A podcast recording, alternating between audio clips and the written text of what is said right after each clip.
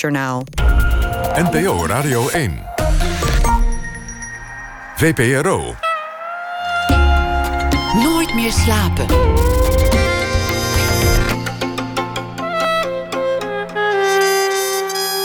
Met Pieter van der Wielen.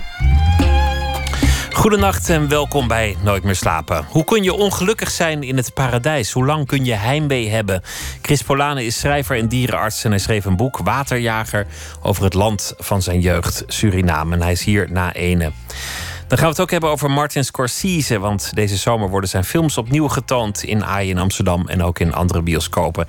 Zijn werk wordt besproken ook na één. En dan is Thomas van Aalten onze huisschrijver. Hij maakt een verhaal bij de voorbije dag. We beginnen komend uur met Hugo Borst. Ach, moedertje heet het boek. Het vervolg op het veelbesproken en veel geprezen boek Ma Hugo Borst werd ooit bekend als voetbalanalist en bij tijd en wijle aanjager van precies dat soort televisiefetes waar de kijker zo naar hunkert. En hij is ook nog schrijver van boeken en stukjes. Hij is ook mantelzorger tegenwoordig. Wat natuurlijk een afschuwelijk woord is, mantelzorger. Samen met zijn broer Laurens zorgt hij al een aantal jaar voor zijn moeder Joke van 88, die dementeert. Het maakte hem ook onverwacht activist. Zijn hartstochtelijk pleidooi voor een betere ouderenzorg zette ook de politiek en Mark Rutte in beweging. Hugo Borst werd geboren in 1962. Hij schrijft voor het AD, presenteert ook op deze zender. En hij schreef ongeveer een uh, dozijn boeken. Hugo Borst, welkom. Goedenavond, goedenacht moet ik zeggen. Ik moet wel meteen aanvullen dat onze vrouwen, van Laurens en van mij, ook uh, een flink aandeel in het in de zorg pakken hoor. Dus jullie doen het met z'n vieren ja. eigenlijk? Elke dag iemand? Ja, er is elke dag iemand. Uh, dat is in ieder geval het streven. En alleen als wij ja, vakantie uh, hebben, dan komt er wel eens de klad in. Hoe, hoe belastend is dat voor jouzelf? Totaal niet. Ik uh, vind het ook een feest om naar het verpleeghuis toe te gaan. Naar de woongroep van mijn moeder. Uh, ik heb daar zelfs lol in, omdat. Uh, ja, ik heb het geaccepteerd. Mijn moeder is mijn moeder niet meer.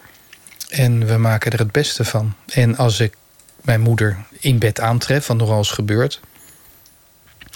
En dan de kans zijn dat ik er laat liggen, want mijn moeder is de baas. Het, het is haar laatste jaar, of laatste twee jaren. En die mag ze helemaal invullen zoals zij dat wil. En dan kijk ik op de woongroep uh, wie, er, uh, wie er vrij is, wie er wat aandacht nodig heeft. En dat is uh, heel dankbaar om te doen. Je hebt ook de andere bewoners omarmd, of die, die heb je leren kennen en daar, ja. daar heb je nu ook contact mee. Ja, en, en natuurlijk ook, hè, sommige mensen hebben niet meer de gave om zich uit te drukken. Zoals dat voor mijn moeder inmiddels ook wel geldt.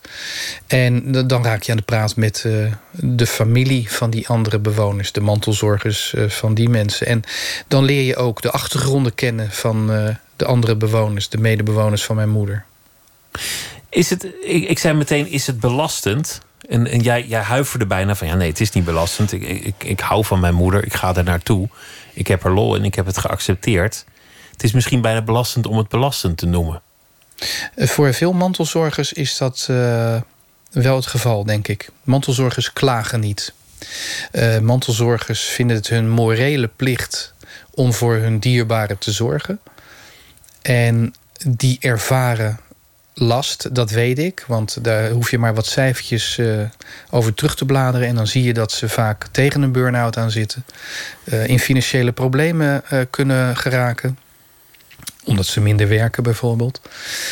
Um, ja, voor mij geldt dat niet. Um, omdat inmiddels zit mijn moeder in het verpleeghuis. En de grootste zorg wordt eigenlijk toch gedaan door de professionals.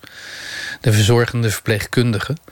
En wij zijn er eigenlijk voor het welzijn van mijn moeder. Dus wij nemen een appeltje mee. En dat schillen we met haar. En dat eet ze op en daar geniet ze van. Uh, of ik uh, draai een stukje muziek. Uh, nou, dat zijn eigenlijk de dingen die ik doe. En ik vind dat, dat je dat moeilijk belastend kunt noemen. Dat is fijn om te doen. Omdat je op die manier nog zorgt dat, dat, dat je moeder aandacht krijgt. En het naar de zin heeft. Ik heb de twee boeken met heel veel plezier gelezen, waarin je, waarin je vertelt over uh, nou ja, het, het, leven in zo'n zo'n verzorgingshuis en, en, over je moeder en, en over het zorgen. Leerde ook een heel andere kant van jou kennen. jou, jouw imago is natuurlijk toch van, van bravoer, van, van fetus, een, een uh, heet gebakerd type. En, en hier zie ik ineens een heel andere Hugo Borst. Ja. Ja, ik ben beide, uh, zonder dat ik mezelf toch schizofreen zou uh, willen noemen. Uh, het is ook wel een daverend cliché om mij op basis van de vetes die ik op televisie heb uitgevochten. Een, boeman, een boeman te noemen. Nee, ik noem je ook geen boeman. Maar het is, het, het, is opmerkelijk. Los van dat ik eigenlijk ook niet vind dat iemand één persoonlijkheid moet mm. hebben. Waar dat eigenlijk vandaan komt. Hè? Dat, dat je één zelf hebt en die. Ja, dat is ook wel het gevaar zijn. van televisie hoor. Dat, uh, het dat maakt snel een karikatuur. Wordt. Ja, ja, precies. Ja, en je bent zoveel meer dan de, de, de rol die je op dat moment uh, op televisie uh, vertolkt. En die, die, die Hugo is er ook nog. Die, die nou ja, zeg maar het, het opgewonden standje. Ja, zeker. Nee, die is er zeker nog. Ik, ik wind mij bijna dagelijks op. Ik ben nu bijvoorbeeld heel erg teleurgesteld in mijn, mijn club Sparta, waar ik vind dat nou, er erg rigide wordt omgegaan uh, met uh, uh, het gesloten houden van de club. Wij zijn een klein clubje. En ik vind dat je de deuren wagenwijd open moet zetten voor de, de plaatselijke media. Maar wij hebben een, een trainer die daar heel anders over denkt. Een hele goede trainer, Alex Pastoor. Maar uh, hij houdt de boel uh, hartstikke gesloten. En dat betekent dat verslaggevers vaak te maken krijgen met uh, voetballers die niets zeggen. En die voetballers willen ze eigenlijk ook niet interviewen. Ze hebben om andere voetballers gevraagd. Nou, daar kan ik me enorm over opwinden. En daar geef ik ook uiting aan. En dat heb ik ook gedeeld hoor, met de trainer en met bestuursleden. Nou, dat is dan zo'n zo'n ergernis die, die ik meteen uh, kwijt ben op die manier. Twee kanten in, in jouw persoonlijkheid die we nu uh, allebei kennen. De, de zachtaardige, ja. geduldige, rustige man die, die, die alle tijd heeft. En die, die, die heel erg zen aan dat bed zit. Die dat, die dat lot gewoon accepteert. En de man die gewoon uh, in de touwen kan klimmen en in de gordijnen kan hangen van, van pure opwinding als het hem niet zint. Ja, dat klopt. En dat laatste heb ik denk ik uh, echt van mijn moeder. Mijn moeder uh, had dat temperament ook. Dat is nu echt weg. Ze kan nog wel haar ogen en wenkbrauwen laten spreken. Als uh, ik iets te snel ga, dus ik laat haar opstaan en ik, ik doe dat technisch niet goed. Dat kunnen verzorgende verpleegkundigen veel beter. En ze is bang dat ze valt, dan ik maak nu even naar jou een gebaar van ja, ja, ik, hele felle, priemende ogen. Vlammende ogen, Ja, ja en, en dat had ze vroeger dan... Uh, en dat ging dan gepaard met, uh, met uh, verbale uitvallen. Ook wel eens ging ze ook wel eens te ver mee. Mijn moeder was zeker na haar vijftigste wel behoorlijk conflictueus. Ze kon echt onredelijk ook zijn. Dat was een deel van mijn moeder. Maar daarnaast was het een, een, een lieve, slimme vrouw met gevoel voor humor, uh, belezen. En een hele goede, uh, ja, hele goede zorgende aard. Kon ook heel goed troosten, mijn moeder. Uh, nou ja, daar heb ik al aardig getypeerd in een paar seconden, denk ik. En je vader die, had een, een die was directeur bij de textielfabriek. Adjunct bij, ja, bij een textielbedrijf. Ja, ja mijn vader was, is een heel ander, of was een heel ander type. Eh, hij is al negen jaar uh, dood. En uh, ik kan nog elke dag met, uh, met plezier aan hem terugdenken. Soms ook met weemoed. Um, in de kern zou ik het liefst meer op mijn vader lijken. Denk ik wel eens. Omdat hij zo fantastisch diplomatiek kon opereren. Mijn vader werd gezien als een wijze man op microschaal. Want mijn vader is nooit ja, heel groot bekend geworden. Maar op de voetbalclub, uh, in familiaire kring. Hij was een, eh, een, een oplosser van uh, problemen. En uh, ook een man met enorm veel gevoel voor humor. Ja, een leuke vent. Ik, ja, ik, ik ben hier sowieso dankbaar. Ik heb een hele fijne, gelukkige jeugd gehad. ik, ik ben ook schrijver, maar een goudmijn is het niet, die jeugd van mij. Het is niet een jeugd waar je hele leven op kan teren, omdat hij, dat zo moeilijk slecht en nee. uh, zo, zoveel weerstand bood. Ik noem wel eens, ik, ik roep wel eens een verhaal uh, op in de herinnering. En dat zijn toch doorgaans hele uh, leuke, warme herinneringen. Die ik dan ook met heel veel liefde beschrijf. Ehm, maar uh, ja, weinig trauma's. Uh, ik kan niet anders zeggen. Ik uh, zit wel eens met Eus te kletsen, het schrijver. Eus Janakiel. Ja. ja. Ja, die heeft wel even een andere jeugd meegemaakt, zeg. Toch, toch had je, was dat eigenlijk volgens mij de kern van, van wat, je, wat je in je leven had moeten doen of hebt gedaan, of, of uh, wat uiteindelijk je grootste talent is, is het schrijven? Um, ja, en dat, dat is ook enorm gestimuleerd uh, door mijn moeder natuurlijk, omdat zij mij heeft laten lezen. En daarnaast ben ik een hele fijne leraar Nederlands uh, tegengekomen, meneer Pol, de HAVO. En uh, zo, zo is het allemaal uh, begonnen. En uh, ik vind ook echt dat je schrijven kunt leren. Want als ik de perenbaksels van school teruglees... dat was bedroevend, echt slecht. en ik sla ook nog wel eens een verhaal op... dat ik heb geschreven in mijn tijd in bij Voetbal International. Daar ben ik ooit begonnen als voetbaljournalist ja, dan, dan zie je wel de, de tekortkomingen. En, en ik denk dat ik zelfs op deze leeftijd me, nog, me nog steeds kan verbeteren uh, schrijvend. Dat merk ik dat dat uh, gebeurt. Is het, is het iets waar je nog wel eens over, over nadenkt als je terugkijkt op je leven? Je hebt inmiddels ook al een flink deel achter je. Van, goh, ik zit op twee derde. Op twee derde, maar is, is, is dat ook zoals je het zelf ziet? Van dat schrijven is eigenlijk wel, wel wat ik het liefste deed, of wat eigenlijk het belangrijkste was? Ja, en dat vind ik ook eh, fijn om uh, te weten. Uh, hè, er komt uh, op zeker moment, als je gezond blijft, een pensioen aan. En dan kan ik lekker bij, blijven schrijven. Ik weet natuurlijk niet of er nog mensen zitten te wachten op, mijn schrijfsels. Maar ik spiegel me, en dat is eigenlijk heel onbescheiden, aan A.L. Snijders. Elke zondag krijg ik een, een, een stukje van mijn, in, in mijn mail. En ik heb ook veel boeken van hem. En hij schrijft in, in 300 of in 600 woorden een briljant stukje. En ja, dat lijkt me echt uh, het einde om, om dat te mogen doen. Hè? Want Arel Snijders loopt ook al tegen de 80. En zijn, zijn stukjes ja, zo klein zijn van zo'n diepgang. Er zit zoveel wijsheid in en zoveel... Uh, nou ja, ook wel ernst, maar ook humor. Eh, dat is eigenlijk een beetje zoals ik het einde van mijn leven eh, voorstel. Om hele kleine stukjes nog te zullen schrijven... Die, nou ja, waar, waar nog een wens voor is dat mensen die willen lezen. Ik zie wel de verwantschap. En die, die zit hem volgens mij gewoon in, in, een, in één hele goede zin schrijven af en toe. Ja. Gewoon, gewoon echt kunnen genieten van een zin. Ja, dat, dat zullen denk ik alle schrijvers uh, wel hebben. Um, maar soms uh, wordt die je ingegeven. Je bent aan het schrijven. En als een klein wonder uh, openbaart het zich aan je. En ik zeg altijd, ik schrijf als schrijvende. En uh, ja, dan, dan ben ik ook heel dankbaar dat die, dat die zin is uh, gekomen. Het lukt ook heel vaak niet. Hè? En dan kom je niet verder dan een, een 6,5. En dan kun je het weggooien. Of voor een krantenkroniek eh, is het dan misschien net goed genoeg.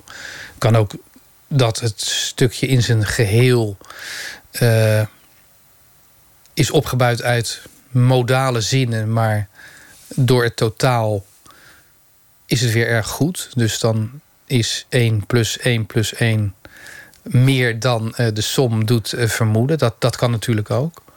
Maar ik, ik ben wel heel veel bezig met uh, schrijven. Ik praat ook heel veel met Wilfried de Jong, Michel van Egmond over ons ambacht. De Rotterdamse schrijverspool inmiddels wel. Ja, nou ja, ik weet niet of je het zo moet noemen. Dat, dat gebeurt allemaal heel informeel. Wij zijn uh, geen uh, officiële club, maar wij drinken graag uh, koffie. En dan komt, komt het, het ambacht te sprake. Dan gaat het over sport, literatuur en bij de andere twee ook heel erg over jazz.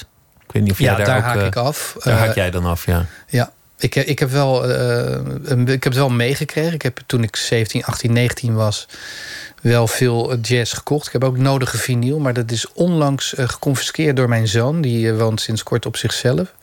Die heeft al mijn vinyl meegenomen. Maar nou moet ik ook zeggen, ik had geen platenspeler meer. Dus ik had dat ook jaren niet gedraaid. Hij heeft wel een platenspeler. Dus dan heeft hij ook meer rechten erop Hij eigenlijk. heeft meer rechten erop. En uh, ik, uh, ik gun het hem van harte. Ik heb wel gezegd, je moet er heel voorzichtig mee zijn. En je mag het ook niet... Uh, zelfs als hij grijs gedraaid is, mag je hem niet weggooien. Dan moet je hem teruggeven. Dat, uh, jarenlang was je leven stukken schrijven over voetbal, voetbalcommentator zijn, sporters najagen, interviewen, op tv uh, uh, commentaar leveren. Ja. Zo nu en dan in een, in een, in een tv-fitty ver, ja, verstrikt raken. Hoe kijk je daarop terug? Want, want eigenlijk was het afgeleid van wat je nu zegt dat het belangrijkste is in je leven. Ja, het overkwam mij uh, op televisie komen. En op televisie komen betekent gewoon dat je ineens uh, bekend wordt. Ik uh, ben ook rijkelijk laat op televisie gekomen, eigenlijk rond mijn veertigste. Ik heb dat nooit zo gepland. Ik zag mij als sportschrijver, voetbalschrijver. En dat was het dan. Pardon. Maar op een zeker moment even een slokje nemen. Overkwam het je? Je was, was een jaar of veertig en je werd gevraagd en, en, je deed het goed op tv. En ja, toen was het, daar. Ja, ik zat in een programma met Jack van Gelder en Jurie Mulder. Dat was nog voordat de heren van uh, Voetbal International, Voetbal Insight, aan de weg gingen timmeren. En toen maakten wij een heel aardig tot goed uh, programma, praatprogramma over voetbal. Waarin ik uh, er met gestrekt been vrijwel wekelijks inging. En omdat Jury ook een vrij grote mond heeft, een heel eigenwijs is. En Jack van Gelder heel veel kennis van zaken heeft. ja, gingen wij heel veel discussiëren. Wat eigenlijk wel jammer was altijd. Dan hadden we iemand naast ons zitten uit de voetballerij. En die kon eigenlijk helemaal niet mee of het moesten trainers zijn. Maar de voetballers in kwestie, ik vond het altijd een uh, enorme uh, teleurstelling wat daar netto dan uitkwam. Ik heb één keer Robin van Persie meegemaakt. Dat was geweldig hoe die over zijn vak sprak. Toen heb ik ook echt bijna de hele uitzending mijn mond gehouden. Een hele intelligente uh, jongen, voetballer. Laspak. Maar kon zo ontzettend goed over zijn vak praten. Ja, daar heb ik, uh, dat zou ik nog wel eens terug willen zien. Omdat het eigenlijk de enige herinnering is uh, van iemand die naast ons zat. En die kon tippen aan ons, zal ik maar zeggen. En jullie verbale ja. virtuositeit. Was het ook makkelijk nou, voor je? Virtuositeit zou ik het niet willen noemen hoor. Nou ja, je moet het, je moet het dus terugzien. Het, het, het, was ook, het was ook amusement. En uh, het was ook lekker spannend. En het is ook fijn om af te geven op de voetballerij. Omdat daar gebeurt ook heel veel wat... Uh, uh, nou ja, wat het afgeven waard het daglicht niet verdragen kan, zou je bijna kunnen zeggen. Was het ook makkelijk voor je, tv? Ja, dat is heel Comfortabel? Makkelijk. Ja, is makkelijk. Uh, het, het, het is ook wel op een gegeven moment is het ook wel een, een trucje geworden. Um, ik was rond 2002 was ik nog wel heel oorspronkelijk. Maar ik verdenk mezelf er wel van dat rond vier, vijf jaar later... dat het dan ook wel een, een truc is die heel makkelijk uh, beheerst. Een imitatie van jezelf? Ja, soms ook wel een karikatuur van jezelf, incidenteel. En uh, toen begon ook de, de lust mij ook regelmatig te ontgaan. En had ik heel vaak als ik op de weg terug naar huis was... dat ik dacht van...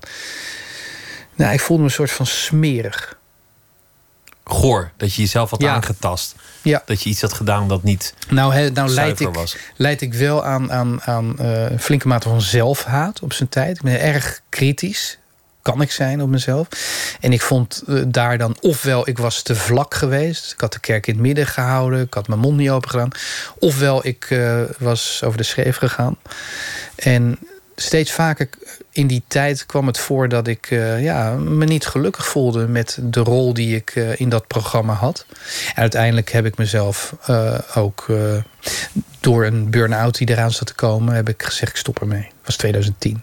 Er was zelfs een moment kort daarvoor dat Bert van Marwijk, volgens mij toen zelfs bondscoach. Moet dat nou? dat hij, dat hij, die had later gezegd: als hij nog even door was gegaan, had ik hem gewoon een, een melpeer gegeven. Had ik hem op, op zijn bek geslagen. Ja. Ja, ik heb het er nog wel eens over gehad uh, met Bert. Want die kwam ik jaren later dan weer in de, studio tegen. En toen hebben we het er nog wel eens over uh, gehad. En beide waren we niet blij met die uh, fitty. ik denk dat hij toen ja, gewoon had moeten zeggen... Hugo, je hebt, je hebt, gelijk. Wat je nu zegt ging over Wesley Snijder. Ik wist iets over Wesley Snijder, maar het was achterhaald. Inmiddels is het probleem opgelost. Ik benoemde dat en hij, bondscoach, zat er niet op te wachten dat dat naar buiten kwam.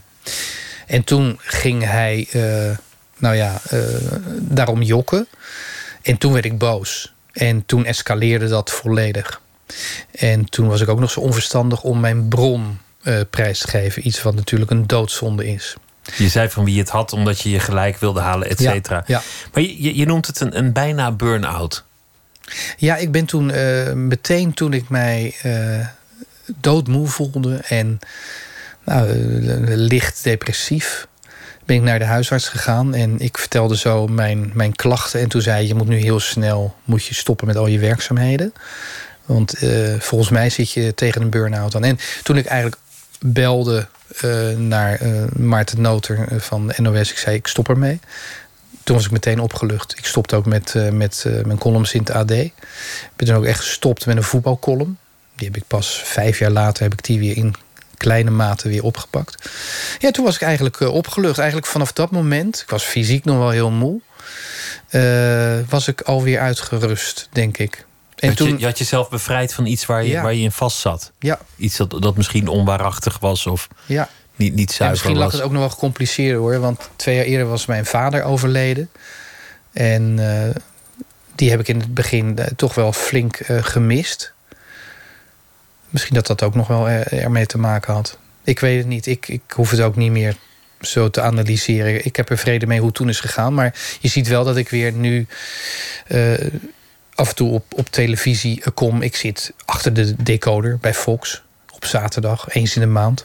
Dus dan doe ik eigenlijk weer wat ik bij Studio Voetbal deed. Maar ik heb daar plezier in. Ik, uh, ik, ik vind dat uh, leuk en het is ook een, een lage frequentie. Ik zou dat niet iedere week willen doen. Dus uh, ja, ik heb de draad weer een beetje opgepakt. En ik doe natuurlijk ook langs de lijn. En ik doe met mijn goede vriend Koert Westerman bedweters. Vind ik heel leuk. Allemaal onzin over, over voetbal uitkramen.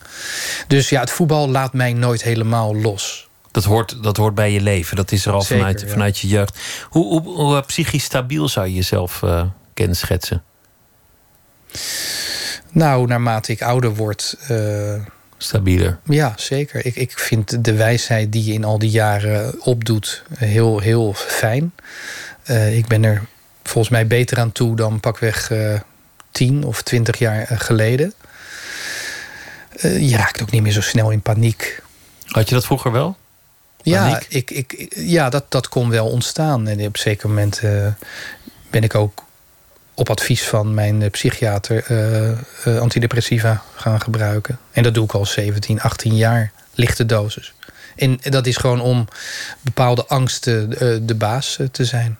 Wat zou er gebeuren als je dat. nou, ik heb het wel eens geprobeerd om doosje wegflikkert. Ja, ja ik, ik, kreeg toch rare verschijnselen. Ik, ik, vond het niet, niet prettig. En dat.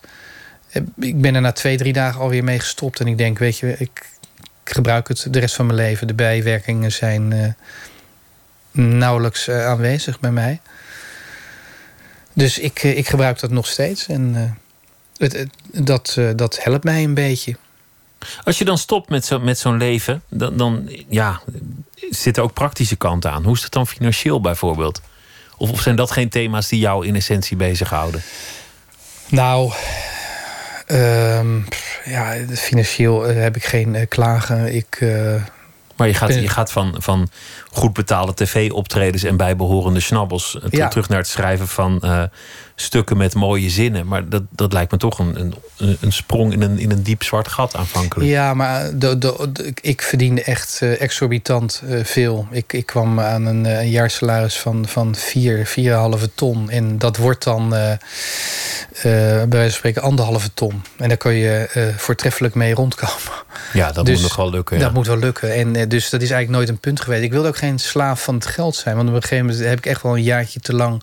denk ik ook bij de televisie uh, gewerkt. En gewoon omdat het, het gemak van het, het geld verdienen... Uh, ja, heel uh, makkelijk is. En, dat, dat had ik denk ik eerder moeten onderbreken. Ja. Nee, geld is, is geen, geen issue. Ik... Ik, ik hoorde laatst, ik zat naar Guido Weijers te luisteren. Die, die had een heel referaat over geluk.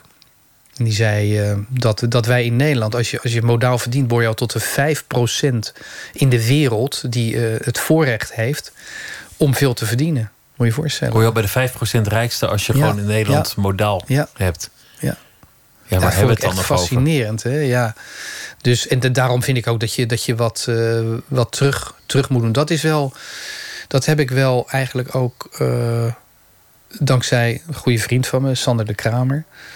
Die is heel erg bezig met, met uh, Afrika. Hij is nu ook morgen. Hij zit nu in Sierra Leone om scholen op te richten. Scholen voor meisjes, scholen voor mensen met een beperking. We hebben onlangs hebben we. ik, had, ik had Mark Rutte leren kennen in verband met de ouderenzorg. En uh, we hadden nog een veiling, veiling, item nodig. Want ik help Sander ook met uh, Sierra Leone. Dus hij zei, weet jij nog wat? Ik zei, nou ja, we kunnen, we kunnen Rutte kunnen we veilen. Uh, en dan is er iemand die ik geloof dat hij 38.000 euro heeft opgeleverd. Een uurtje mag lunchen met Rutte. Dus ik moest dat voorleggen aan Rutte. Nou, die standtepeden reageerde die... Ja, is goed, doe maar. Ik zei, mag ik je verkopen voor een uur? Dat is goed, zei hij. En het mooie is dat die school is in vijf weken... uit de grond gestampt in Sierra Leone. Dus onze premier doet aan ontwikkelingshulp. persoonlijk, zou je kunnen zeggen. Want die 38 mil is in dat schooltje gestoken. En dat schooltje staat er al. En dat wordt nu, een deze dagen, in Sierra Leone geopend. Dat is, nou, daar kwamen we eigenlijk op hem, ja. om te zeggen van... ja, ja, ik vind wij hebben het zo goed. Je moet ook wel wat, wat terug doen. dat, dat is gewoon fijn. En dat is ook, een, vind ik, een bijna morele verplichting. Wij, wij zijn bevoorrecht in, in Nederland. Ja, het kwam nu al ter sprake, de, de, de ouderenzorg. De, de zorg voor jouw moeder werd langzaamaan de zorg voor ook andere mensen op de gang die je leerde kennen. Maakte plaats voor verontwaardiging over de, de stand van die zorg. Niet zozeer aan het adres van de mensen die daar werken. Daar, daar heb je waardering voor.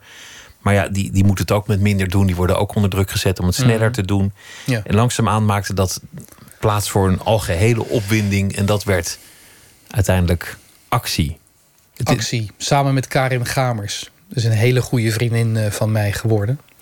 Wij zijn, uh, uh, denk ik, uit hetzelfde hout gesneden. Zij is ook behoorlijk temperamentvol.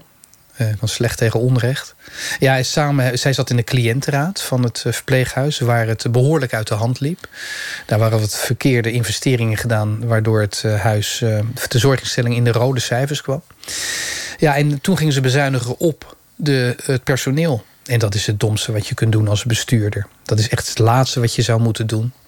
En nou ja, als je minder personeel op de woongroep hebt staan, dan gaan er gewoon dingen fout.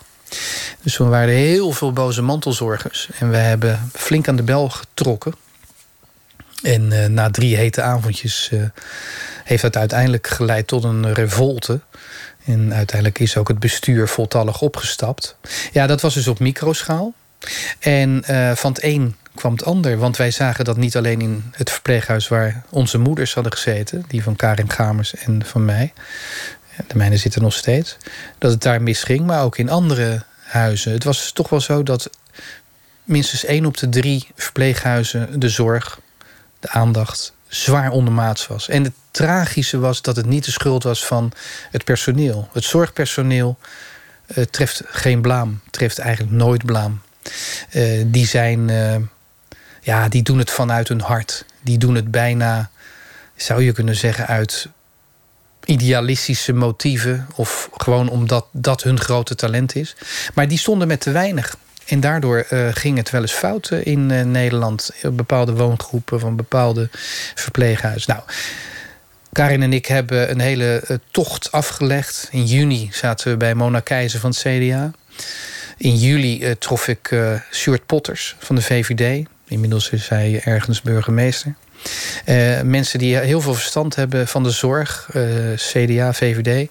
Nou, uh, ik raakte aan de praat met staatssecretaris Van Rijn samen met Karin.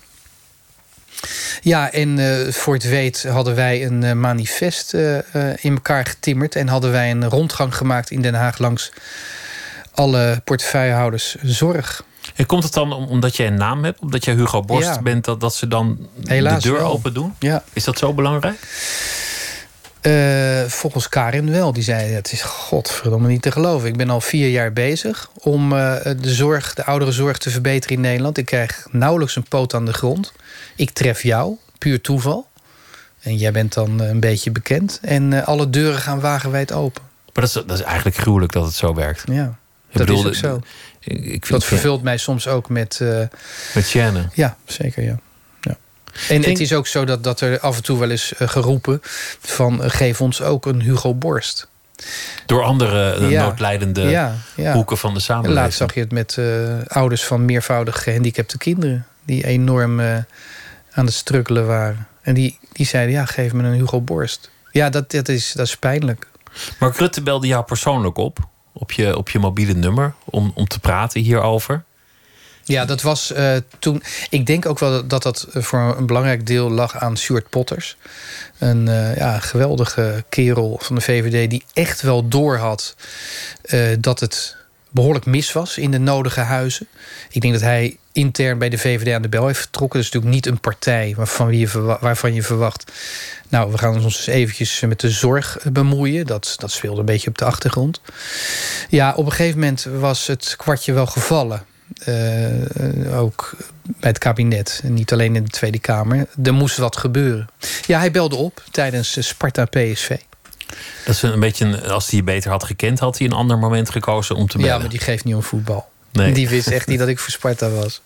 Eh, De volgende dag hebben hebben we elkaar gesproken. En toen hebben Karin en ik eh, op een gegeven moment een, een, bezoek gebracht aan het torentje. Nou, en daar eh, kwamen wij Mark Rutte tegen en zijn rechterhand Sophie Hermans. Inmiddels is zij Kamerlid ook. Ehm, en doet ook de zorg. Ja, en daar hebben we goede gesprekken gehad. En eigenlijk kwam uit eh, de, de koker van eh, Rutte en, en Karin... laten we nou de goede, goede huizen eens bezoeken... van waarom gaat het nou daar wel goed en elders niet? Je kan wel zeggen van leg het accent, leg de nadruk op waar het slecht gaat. Nee, ga nou eens kijken waarom het daar en daar wel goed gaat. Nou, toen heeft Rutte een huis eh, uitgezocht. Dat hebben wij ook gedaan. En toen hebben wij... die huizen bezocht. En toen zijn we eens heel intensief gaan praten met eh, de bestuurders. Waarom gaat het hier nou zo goed? En dat waren eh, hele nuttige eh, bijeenkomsten. Daar hebben we een hoop van opgestoken. Waar, waar je dan achter komt is dat die bestuurders zijn gewoon echte zorgmensen. Dat zijn geen CEO's. Dat zijn mensen die exact weten wat er speelt. Die kennen hun personeel bij voor- en achternaam. Die kennen de bewoners, de patiënten. Die kennen de, de, de mantelzorgers van de patiënten. Kortom, dat zijn eh, mensen die niet op afstand eh, regeren... maar die echt met hun poten eh, op de werkvloer eh, komen. En die ook openstaan voor eh, kritiek... eh, die wordt geleverd door verpleegkundigen of verzorgenden. Als die daar over de drempel Had je stappen... dan is het- niet eh, de- meteen de neiging om, om je moeder eh, eh, met bed en al weg te rijden... en naar zo'n andere instelling te brengen waar het wel goed gaat? Mijn moeder was. eh, ja, die wilde echt per se in dit huis. En dat kwam omdat twee van haar zussen daar hadden gezeten. Dus toen wij mijn moeder, die altijd diagnose op zak had, en maar die nog best wel een hoop kon, zeiden van: Ma, wil je hier of wil je daar? We hadden wat huizen bezocht. En ze was heel stellig. Nee, ze wilde in dit huis zitten. Nou, daar hebben wij ook gehoor aan gegeven. En ja, de tragiek was dat.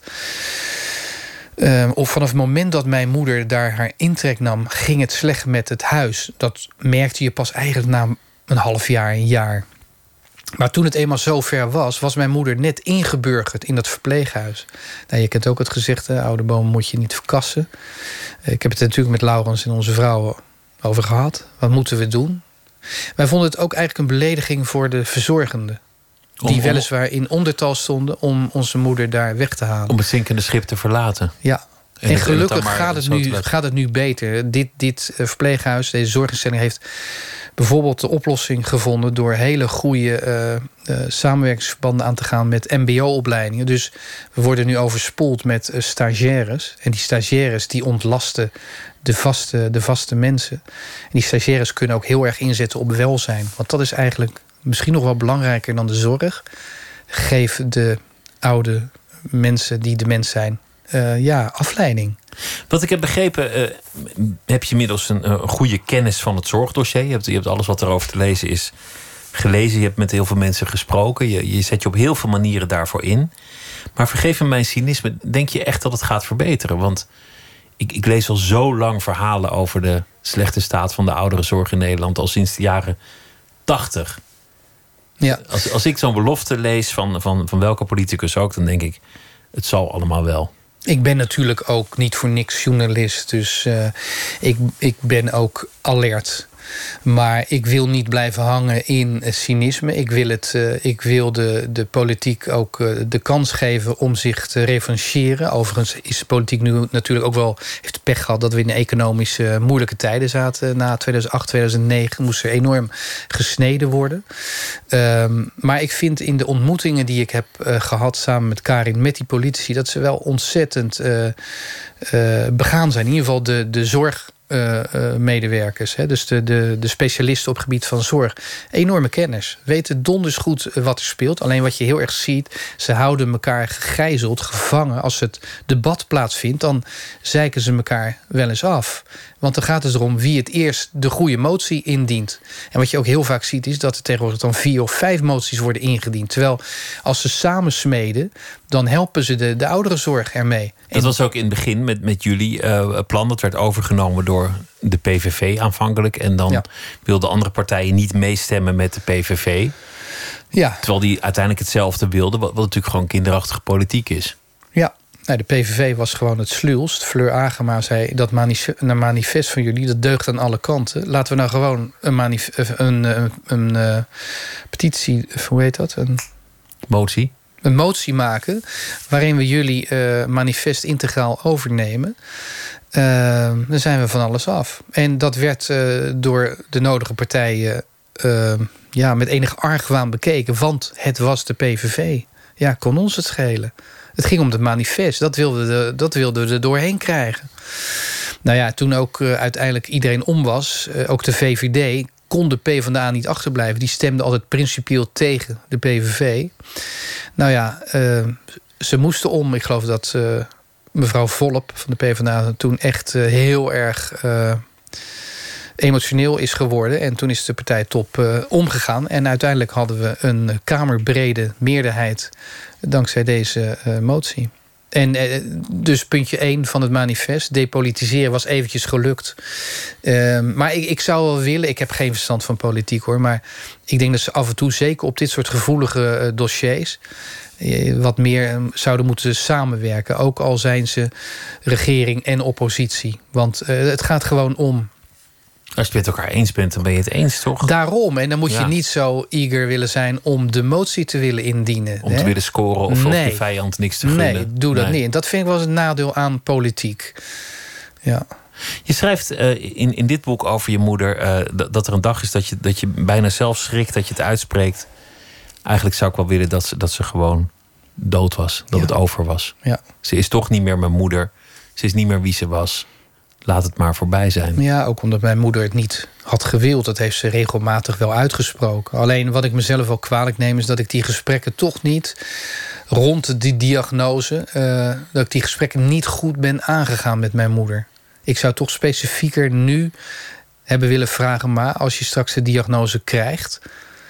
en je wilt dat niet, je spreekt dat nu zo uit... je wilt niet de weg gaan die je zussen ook zijn gegaan... Wat, wil, wat, moeten wat moet je dan doen? Want ik, ik wil je daar natuurlijk uh, wel uh, in bijstaan. Maar ik kan je niet naar de andere wereld helpen. Je moet dat nog altijd wel zelf doen. Of in ieder geval in, een dokter hebben. Met, of... een, met een huisarts erbij. Maar dat heb ik gewoon uh, toch op zijn beloop gelaten. Misschien dat het ook te veel te gevoelig lag. Mijn moeder was natuurlijk ook heel vaak onrustig. Bang, eenzaam. Ehm, en misschien dacht ik ook toen wel dat haar geest haar niet in staat was om dit soort gesprekken goed te voeren. Maar ik denk nu wel, wel regelmatig van ik had het gesprek in ieder geval moeten proberen beter aan te gaan. Maar misschien was het dan ook niet gelukt. Dat kan. Het is, het is ingewikkeld. Het is zo ingewikkeld. Het is hele ingewikkelde materie. Want je ziet gewoon dat heel veel mensen die hebben gezegd... ik zeg het zelf ook. Als ik ooit de diagnose krijg... ja, dan knijp ik er binnen een maand uh, tussenuit. En dat, ik denk dat het ook de enige manier is, als je dat echt wil, om dat heel snel daarna te doen. Dat is mijn perceptie. Ik heb ook de film gezien Still Alice. Met uh, Julianne Moore in een hoofdrol. Een briljante wetenschapper die rond haar 50ste verjaardag uh, blijkt een, ernstige hersenziekte te hebben. En zij spreekt op uh, nou ja, op haar telefoon in dat mocht zij inderdaad straks de diagnose krijgen, dan kan ze nog wel even leven. Maar als het dan echt te erg wordt, dan kan ze er tussenuit knijpen. Dan moet ze dat en dat doen. En in een laadje heeft ze dan de middelen verstopt. Maar je ziet dan toch dat zij het te ver laat komen op het moment suprem. Uh, lukt het niet omdat ze wordt afgeleid. En daarna gaat ze de weg van de onwaardigheid uh, helemaal af. En dat ziet er naar uit. Ik was echt uh, met alle mensen die toen in de bioscoop zaten, echt in shock. Verliet ik, uh, verliet ik de bioscoop. Dat was echt een eye-opener. Nou ja, kijk, als je het zover niet wil laten komen, moet je toch wel vrij snel na de diagnose initiatief tonen. Maar dat is natuurlijk voor iemand die de diagnose krijgt, ja, makkelijker gezegd dan gedaan. Dat moet je ook verwerken, zo'n zo'n diagnose. Betrek je het ook op jezelf? Merkte ik dat nou? Dat je, dat je zei, als ik de diagnose krijg, is, is dat iets dat door je heen schiet van, van ja, dit is het voorland, zo kan het gaan? Nou, ja, ik je weet bent 55, ik bedoel, het valt allemaal nog mee natuurlijk met je leeftijd. Je kunt maar... natuurlijk een, uh, tegen, tegen een uh, hersenziekte aanlopen die je ook op jongere leeftijd krijgt. Ik zag laatst op televisie een programma, een jongen van 31. Dat kan ook. Er is ooit een Feyenoord-spits gestorven, 42 jaar oud, John Eriksen, aan Alzheimer. Dat kan ook, hè? Het is niet zo dat je alleen uh, die ouderdoms Alzheimer, vasculaire dementie kan krijgen. Dat is overigens wel erfelijk in mijn mijn moeders kant aan de hand. Hè. Vier, vijf van de zes zussen hebben dus Alzheimer in combinatie met vasculaire dementie op oudere leeftijd gekregen, rond 75. Dus erfelijk ben je belast. Misschien moet ik het, moet ik het niet aanwakkeren, want, want ben jij hypochondrisch aangelegd? Nou, soms. Soms. Ja, maar ik kan daar ook wel uh, om lachen, om meespelen. Ik, ik hou van het leven. Ik vind het leven hartstikke mooi. Ik, uh, ik hou van lekker eten. Uh, nee, ik kan echt genieten. Wat ik jammer vind, ik kan niet meer voetballen. Mijn knie is kapot. Dat is wel een gemis. Dus ik mis, mis de kleedkamer vooral. Want aan het eind, het laatste jaar stelde het al niets meer voor. Omdat je oud en die stram wordt. Die knie was altijd al zwak, toch? Meen Ja, ik ja, ja. herinneren. Ja, dat klopt. Dat, dat stond al in je boek over je jeugd. Ja, dat klopt. Dat die toen al een maar probleem ik kon er nog wel twintig jaar mee, uh, mee voort. Uh, en omdat ik mij liet omringen door hele goede, leuke voetballers. Ex-betaald voetballers, top amateurs. Uh, ga je vanzelf mee, word je steeds beter. Althans, dat denk je. Maar dat ben je nu kwijt, het Dat, voetballen. dat kan niet meer, dat is wel jammer. Maar voor de rest uh, ja, uh, hou, ik, hou ik van het leven en probeer ik er het beste van te maken. Dus ik, ik kan wel eens hypochondrisch zijn of, of negatief. Maar bijvoorbeeld zo'n zo'n ramp als gisteren, die glijdt aan mij voorbij. In Manchester bedoel je? Ja. ja. Ja, dat heeft toch geen zin om, om daar te veel bij stil te staan. Waarbij ik zeg dat als het hier in Amsterdam of Rotterdam gebeurt, dat ik ook dieper geraakt zal zijn. Dan is Manchester toch net even te ver van mijn bed. Ik spreek natuurlijk ook mijn afschuw uit over het feit dat uh, kinderen worden opgeblazen door een of andere godsdienstwaanzinnige.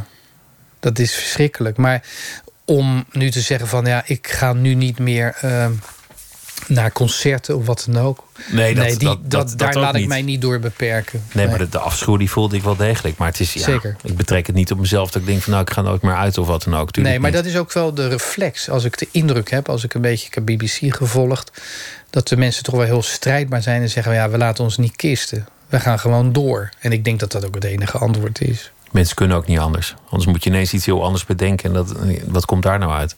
Ja, je kunt ook zeggen, het is het verzet tegen die, uh, tegen, tegen die destruct, ja, destructiviteit, die, tegen die waanzin. Ja, gewoon doorgaan. Dat is ons antwoord. Dat is onze lange neus. Dat, dat voetbal is in jou, jouw leven toch ook een heel belangrijk thema geweest, al vanaf jongs af aan. Hoe kwam het eigenlijk dat je, dat je als, als kind al zo bezeten raakte door dat, door dat spel? Nou, ik kan wel zeggen dat uh, het, in de week was het gelukkigste uur dat ik had de wedstrijd die ik mocht spelen. Zodra die afgelopen was als kind, dan dacht ik meteen aan de volgende zaterdag. En meteen kwam er angst als het maar niet gaat regenen, als het niet wordt afgelast. En op de donderdagavond dan keek ik al in het stokviswater. Ik woonde aan de Lombardkade. En als ik dan zag dat de regen hard was, dan kon ik het zien aan de inslag op het wateroppervlak. En dan was ik echt al bezig van het zal toch zaterdag wel doorgaan. Ja, ik leefde eigenlijk alleen maar voor het voetbal. Maar ik, ik was uh, behoorlijk talentloos hoor. Ik ben een vierde klassetje, vierde klas KNVB-voetballer. En meer zat er echt niet in. Maar ik heb er zoveel plezier aan ontleend. Ongelooflijk. Het waren ook je vrienden met wie je speelde, vrienden voor het leven. Ja. Maar je niet, was niet allemaal, goed. niet allemaal. Nee, ik was niet goed genoeg. Nee, zeker niet. Dat is wonderlijk dat je dan toch plezier in, in hebt. Ja, maar dat kan toch? Je kunt toch ergens niet in uitblinken, maar genoegen nemen met het uh, modale. Ik denk dat het van ja, gezond uh, verstand getuigt als je zegt van nou, dit is mijn maximum, beter kan ook niet. En mijn, mijn vader was ook wel iemand die precies het goede zei. Die kwam altijd kijken, van jongs af aan tot en met de zaterdagen dat ik in het eerste speelde. En die heeft eigenlijk nooit gezegd van je was briljant. En dat was ik ook niet. Maar hij kon wel heel goed in een paar zinnen analyseren wat ik goed en minder goed had gedaan. En dat deed hij heel constructief, heel knap. Maar niet zoals veel ouders zouden doen, doen alsof het jongetje ontzettend goed was, terwijl het niet zo was. Nee, dat zie je nu heel veel. Ik spreek wel eens wat jeugdtrainers. Ik las zelfs dat laatst bij een hockeywedstrijd... een, een hockeyvader had de scheidsrechter neergeslagen. Volgens mij van het weekend in Rotterdam. Oh, het heeft nu ook al het hockey bereikt. Ja, kennelijk wel, ja. Waanzin, echt. Ja, dit, ouders zetten, sommige ouders zetten hun kinderen op een voetstuk. En dat moeten ze niet doen, want er kunnen er maar heel weinig doorstromen naar Feyenoord 1 en Sparta 1. En uh, je legt de lat ook zo hoog voor je kind. Die denkt dan ook dat hij verschrikkelijk goed is. En, en daarom krijg je een hoop gezeik langs de lijn. De ouders die gewoon uh, vinden dat hun kind moet spelen. Omdat hun kind het beste is. En dat is gewoon bezijde de waarheid. Maar dat is overal hoor. Is ook op school dat ze hun kind meteen ja. Einstein vinden. En uh, kind maakt een tekening en het is meteen Picasso. Ja. Dat, dat narcisme, dat komt ook aardig op die, op die spruiten over. Ja, en ik vind dat sneu, want het kind wordt daardoor uh, ernstig uh, belast. Waarom mogen kinderen niet excelleren op het VMBO? Waarom moet altijd zo hoog worden ingezet? Waarom moet een... Het kan ook zijn dat je een laatbloeier bent. Ik ben zelf ook met heel veel moeite op de MAVO... met vijf zessen en een vijf uh, naar de, de HAVO doorgestroomd. Dat mocht ik niet eens op die school... omdat zij voorzagen dat ik de HAVO niet ging halen. Dus ik moest, van een christelijke naar een openbare school. Ja, ik was gewoon een, een laatbloeier. Ik was een, een, een dromer of... Ik weet niet wat ik was, maar ik uh, was uh, niet heel erg alert en attent. En, en nou ja, de HAVO ging al een stuk makkelijker. En daarna uh, ja, heb ik het leven eigenlijk uh, geleerd. En dat doe ik nog steeds. Je bent heel jong gaan schrijven. En toen, toen werd dat je beroep. Voetbaljournalist aanvankelijk. Vind, vind je dat voetbal nog net zo leuk als je het vond toen je jong was? Die bezetenheid van, oh, als het maar niet afgelast wordt. Of, of met dat schrijven, die opwinding als je, als je dan een, een wedstrijd mag verslaan of iemand mag interviewen. Vind je dat nog in jezelf? Nee, ik ben op een zeker moment ook de boel meer gaan beschouwen. Om, omdat ik uh, interviews uh, met voetballers, die vond ik deprimerend. Dat ik, daar komt zo ontzettend weinig uit. De goede niet nagesproken zit natuurlijk altijd... kijk, als je nu Kenneth Perez, met Kenneth Perez over voetbal gaat praten... Ja, dan kun je heel diep gaan. Of Robin van Persie. Als ze willen, hè, want vaak zit de, zit de rem er erg op. Er mag ook heel weinig van voetbalclubs zelf. Er heerst een soort angst, angst voor, en voor hysterie risico. van... oh, niet te veel zeggen tegen die verslaggevers. En daarom lees je ook zelden interessante interviews met, uh, met voetballers. Dus uh, ik, ben daar, ik ben er al vrij snel mee gestopt. En ik dacht, ik geef gewoon mijn eigen mening wel. Die is vele malen interessanter dan die van de voetballer. Je gaat zelf analyseren. Maar vind je het spel nog net zo boeiend, net zo mooi, net zo fascinerend. Nou, mijn, mijn, uh, mijn hart slaat wel over uh, als ik denk dat Ajax morgen uh, met prachtig voetbal Manchester United in de pan hakt. En Mourinho met zijn negatieve insteek een lesje leert. Daar hoop ik op. Daar ben, daar ben ik nu van vol van verwachting van. Dat Ajax Ala 1974 met een jacht op de bal, een bezeten jacht op de bal, Manchester United het leven zuur maakt en ze met 3-0 de pan hakt. Dat is nu mijn hoop. Waarschijnlijk komt dat niet uit, misschien is dat te veel gevraagd, maar voetbal houdt mij nog altijd bezig, ja. Maar je zei eerder, ja, ach, er zijn zoveel misstanden, er is gewoon zoveel verrot in die voetbalwereld. Mm -hmm die wereld eromheen, die, nou, daar, ben je volgens mij wel klaar mee als ik je zo hoorde. Nou ja, het is natuurlijk ook absurd dat er lopen zaakwaarnemers rond die, uh, die zo verschrikkelijk veel geld onttrekken aan de voetbalwereld. Dat gaat allemaal ten koste van uh, uh, voetbalclubs. Um, het is knap hoor, wat Mino Raiola voor elkaar heeft. Een bolwerk, een imperium opgebouwd. Maar ik geloof die 200 of 300 miljoen heeft, misschien wel meer. Gewoon door spelers te verhandelen. En dan zie je dus dat, dat heel veel voetballers verkassen elke twee jaar naar een club. Je ziet dat aan Slatan Ibrahimovic. Die heeft alle topclubs gehad. En iedere keer ja, gaat dat gepaard met een enorme winst ook voor zijn zaakwaarnemer. Ja, dat is de gekte uh, die er is ontstaan. En dat, uh, dat is nou eenmaal zo. Daar valt ook niets uh, tegen te doen. En er is natuurlijk ook een, een, een, hoop mis in de, in de voetbalwereld. Er wordt het nodige onthuld door bijvoorbeeld Volkskrant-verslaggevers ja, uh, dat, dat, is, uh, dat is ook wel weer het aantrekkelijke van, van eh, de, de, de voetbalwereld, de sportwereld. Hè, de, de, doping in, in het wielrennen of Olympische Spelen. Ja, je kunt er wel geweldige verhalen over schrijven. En dus maar als, het, is als... het is natuurlijk leuker om te schrijven over iets dat goed gaat, iets dat mooi is. Nee, dat is niet zo. Het is Nee. natuurlijk veel, veel. In principe is het voor een journalist leuker om te schrijven over dingen die fout gaan. Maar als je dat je hele leven doet, als dat je, als dat je loopbaan is. Je hele leven schrijven over alles wat misging. Alle, alle auto-ongelukken beschrijven. En ja, ik snap ook wel dat, dat Henk ging uit zijn werk naar huis en kwam heel huids aan. Dat is geen verhaal, dat begrijp ik. Maar als je je hele leven daarover schrijft, dat, dat, dat is uiteindelijk gewoon stom Nee, maar het is natuurlijk wel zo dat je morgen een meeslepend, dramatisch verhaal kunt maken over Ajax. dat eh 70% balbezit had. Uh, Manchester United alle hoeken heeft laten zien. Maar zie daar, toch. Het werd 0-1 omdat Manchester United met een gluiperige goal... geholpen door de scheidsrechter, een doelpunt maakte. En het is 0-1 gebleven. En Ajax heeft volkomen onterecht... Kijk, dat is een schitterend verhaal. He, dan zijn wij weer de 1974 losers. Dat is een prachtig verhaal. Maar persoonlijk zou ik het fijner vinden... als Ajax met meeslepend geweldig voetbal... mensen in de pan hakt, hoor. Ja. Nou, dat, dat wordt vast ook een mooie wedstrijd. Het lijkt wel alsof, alsof er in jouw leven een soort, een soort tweedeling is geweest. Die, die, die bijna burn-out die je noemde. ja. Dat dat het toch een soort césuur in je leven is geweest... Waarna, waarna alles heel anders was. En uiteindelijk ten goede. Dat je anders bent gaan leven. Mm. Andere dingen bent gaan doen. Is, is dat een belangrijk moment? Zie je het zelf zo? Nou, ik geloof nog niet dat ik het overzicht heb om die analyse te maken. Ik denk ook niet dat je dat, je dat uh, te veel moet doen. Ik leef ook heel graag met de dag hoor. Ik zie het wel. Dat heb ik ook heel vaak. Als ik een enorme drukke agenda heb, een deadline, dan kijk ik echt per dag. Ik weet wel in mijn achterhoofd wat ik nog allemaal moet doen. Maar als ik daar ga denken, dan uh, begin ik ook te zuchten en te steunen. Dus ik ben iemand die toch ook wel propageert uh, om echt met het moment te leven. Heb je al, heb je al een beeld van jezelf als, als een oudere man? Is, is daar een verandering geweest? Dat je, dat je op een dag keek en dacht: hé, hey, ik, ik ben helemaal niet meer die, die, die jonge hond, die rebel die ik ooit was. Of ben je dat nog steeds wel? Nou, ik hoop dat ik mijn temperament niet helemaal uh, verlies. Maar uh, misschien moet ik het iets meer doseren. Maar ik hoop vooral als ik, als ik, om, ja, ik hoop oud te worden en dat ik met mijn dierbare, mooie, leuke dingen mag blijven doen. Met mijn vrienden koffie mag blijven drinken en over schrijven mag praten en over mooie boeken mag praten. Dat is natuurlijk het droombeeld. Maar ik weet ook wel dat. Uh, ja, het, het, leven is wat je, wat je overkomt. Dat zei Lennon al, dat is een wijsheid als een koe.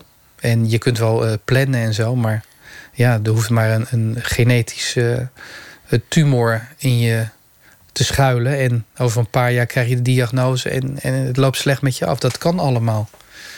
Maar je hebt wel een mooi beeld, wat je, wat je net schetste, van, van hoe je zo'n oude dag voor je zou willen zien. Elke dag een verhaaltje schrijven, gewoon als een soort A.L. Snijders. Ja. Die daarbij dan ook nog op zijn land iets in stukken zaagt of allemaal klusjes doet Ja. die niemand begrijpt. En, uh, en een boormachine in de wereld. hij gaat nog veel pad, hè? Ja. En dat zie je ook. En hij heeft ontzettend veel mensen ontmoet. En die, on, uh, die komt hij dan weer tegen, soms na 30 jaar. En uh, ja, dat is zo knap dat hij in, in pakweg 400 woorden een, een, een biografie kan schrijven van iemand. Of hij relativeert iets met, met zoveel humor en zoveel uh, slimheid. dat je denkt: van, ja, dat kun je ook alleen maar schrijven als je 78 bent. De, dat betreft is, is ouderdom natuurlijk wel een machtig boeiend iets. Dat vind ik ook de tragiek van de mensen die ik in de ouderenzorg uh, tegenkom, die de klos zijn met, met Alzheimer. Daar zitten vaak schitterende verhalen in. In dit boek, Ach Moedertje, hebben we natuurlijk meneer Schimmel. Uitvinder. Een man met een uh, overdreven aandacht voor vrouwen in zijn dementie. Hè, zijn handjes uh, wapperen. Ehm, en, en, en die man had een, had een uh, ja, kleurrijk leven, dacht ik. Ik ben er eens ingedoken. En ik, ik schets wie hij was. En hij heeft een, een, een hele kleine uitvinding gedaan die heel veel mensen heeft geholpen. Iets met, met drukkerij. Um, ja, als ik mensen zie, dan denk ik altijd in hun, in hun Alzheimer, dan denk ik van wat voor leven heb jij, hebt u gehad? En uh, die mensen hebben dan de pech dat ze oud zijn geworden en dat ze niet de wijsheid die ze hebben vergaard kunnen uh, etaleren of uitventen. Door, door die ziekte. Maar er, er, zit volgens mij ook wel achter dat, dat deze samenleving een, een merkwaardige omgang met ouderdom heeft. Dat, dat aan de ene kant iedereen wel accepteert dat je wijzer en beter wordt met de jaren.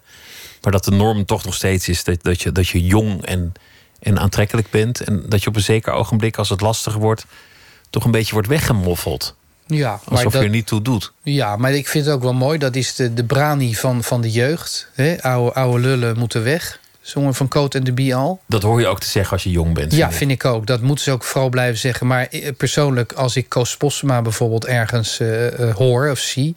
dan denk ik altijd van nou, die is toch wel heel fijn oud geworden. En die formuleert nog voor, voorbeeldig. En hij is nog geestig. Beetje doof, maar eh, ik kan van Koos Postma nog erg genieten. En ik zat vorige week bij uh, Tineke de Nooi in de studio. Nou, 76, weliswaar met een stok. Ook still going strong. Is die 76? Ja.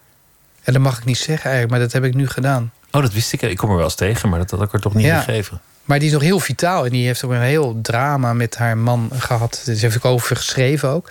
Maar ik denk van ja, ze staat nog wel midden in het leven. En uh, ze maakt nog radio op die leeftijd. Vind ik toch wel een heel uh, prettig gegeven. En uh, nou ja, ik hoop dat dat voor mij ook mag aanbreken. Elke dag een stukje en af en toe, af en toe een beetje opvliegen. En dat op je, ja, op je oude dag nog vele jaren te gaan. Hugo Borst, dankjewel. Het was leuk dat je de gast wilde zijn. Dankjewel. En het boek noem ik toch even, dat heet uh, Ach Moedertje. Zometeen gaan we verder met uh, heel veel andere onderwerpen. Chris Polane komt langs. Thomas van Aalt heeft een verhaal bij de voorbije dag.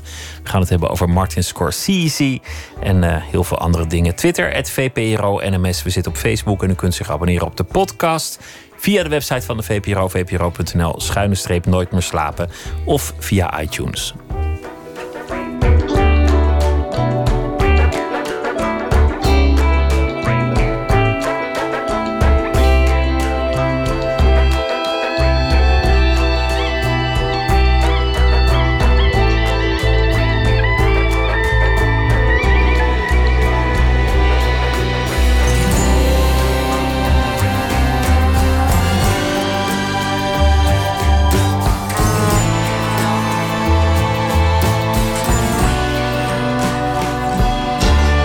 Radio 1.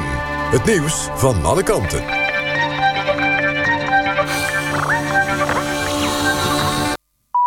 1 uur, Lot Lewin met het NOS Journaal.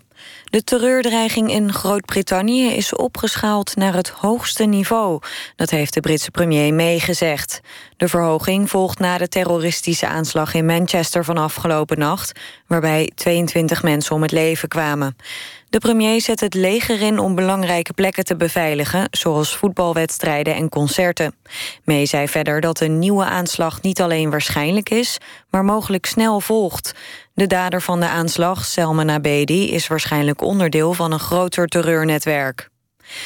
D66 wil niet verder praten met VVD, CDA en ChristenUnie over het mislukte overleg van gisteren.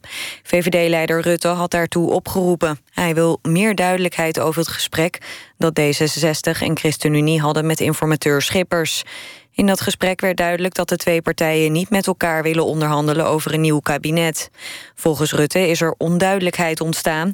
Hij wil de ontstane situatie bespreken. D66 vindt dat niet zinvol en houdt het bij de verklaring dat ze er niet uit zijn gekomen. De Filipijnse president Duterte heeft een noodtoestand afgekondigd op het zuidelijke eiland Mindanao vanwege gevechten die daar zijn uitgebroken. Hij is op bezoek in Rusland, maar keert eerder terug. Op het eiland is een militie actief die wordt gesteund door IS. Volgens lokale media schieten de militanten op huizen... en hebben ze onder meer een school en een kerk in brand gestoken. Nederland staat op de derde plaats in Europa als het gaat om problematisch alcoholgebruik. Alleen de Ieren en Denen scoren hoger. Nederlanders hebben volgens het internationale onderzoek amper de intentie om te minderen. Vooral Nederlandse mannen drinken veel. Ruim 40% van de mannen drinkt te veel, tegenover 25% wereldwijd. Het weer dan. Vannacht zijn er wolkenvelden, maar het blijft droog. De temperatuur daalt naar ongeveer 7 graden. Overdag veel zon en 18 tot 25 graden. Dit was het NOS Journaal. NPO Radio 1. VPRO. Nooit meer slapen.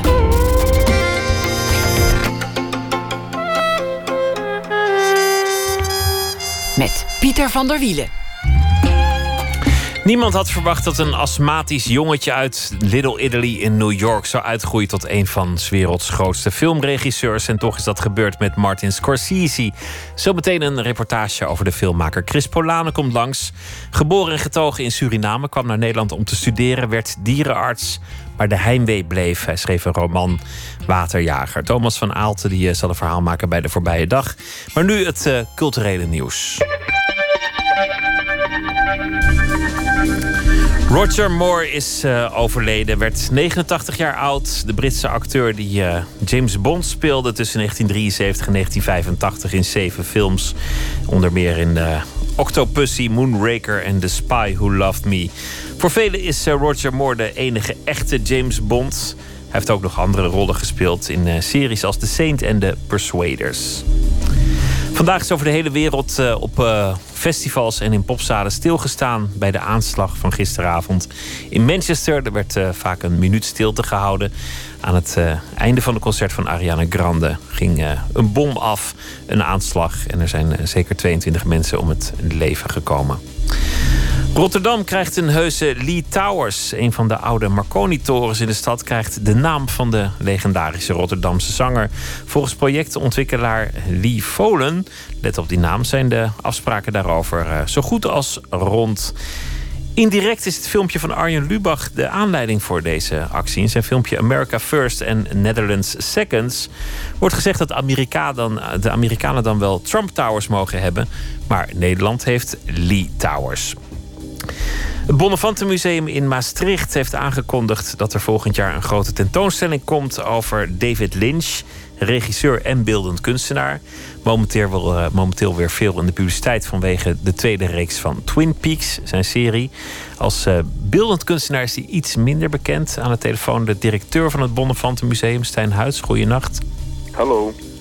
Hoe is het uh, tot stand gekomen, dat contact met David Lynch? Ik heb het contact kunnen leggen ooit via een collega uit Philadelphia. Die werkte aan de kunstacademie waar David Lynch ooit uh, ook zelf studeerde. En hoe lang ben je dan bezig om zo'n tentoonstelling voor elkaar te krijgen? Uh, nou, ik, uh, het begon tien jaar geleden toen ik een tentoonstelling van Lynch zag in Duitsland, in de buurt van Keulen.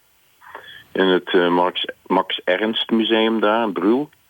En dat was het moment waarop ik dacht van wauw, dit is uh, zo mooi. Uh, die kant van zijn kunstenaarschap, die kennen we in Nederland nog niet. Dat moeten we een keer hier laten zien. En dan duurde het toch uh, tien jaar voordat het zover is. En um, ja, wat, wat is daarvoor nodig? je komt mensen tegen. Um, je, je gaat op zoek naar de mensen die met hem gewerkt hebben.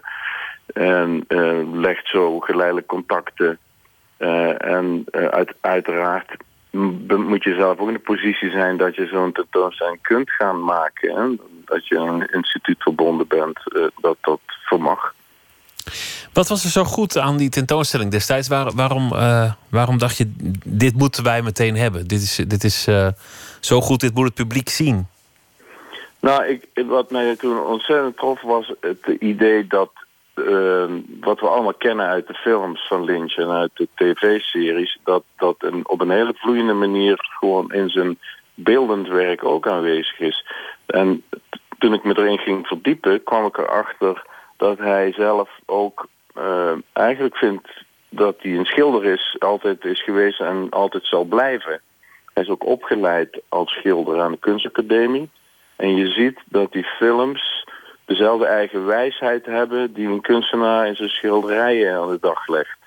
En daar heeft hij zich ook over uitgesproken wel. Hè. Hij zegt van, uh, ik, ik, wil films maken met dezelfde vrijheid die ik als kunstenaar uh, ervaar als ik schilder. En dat heeft me toen enorm getroffen.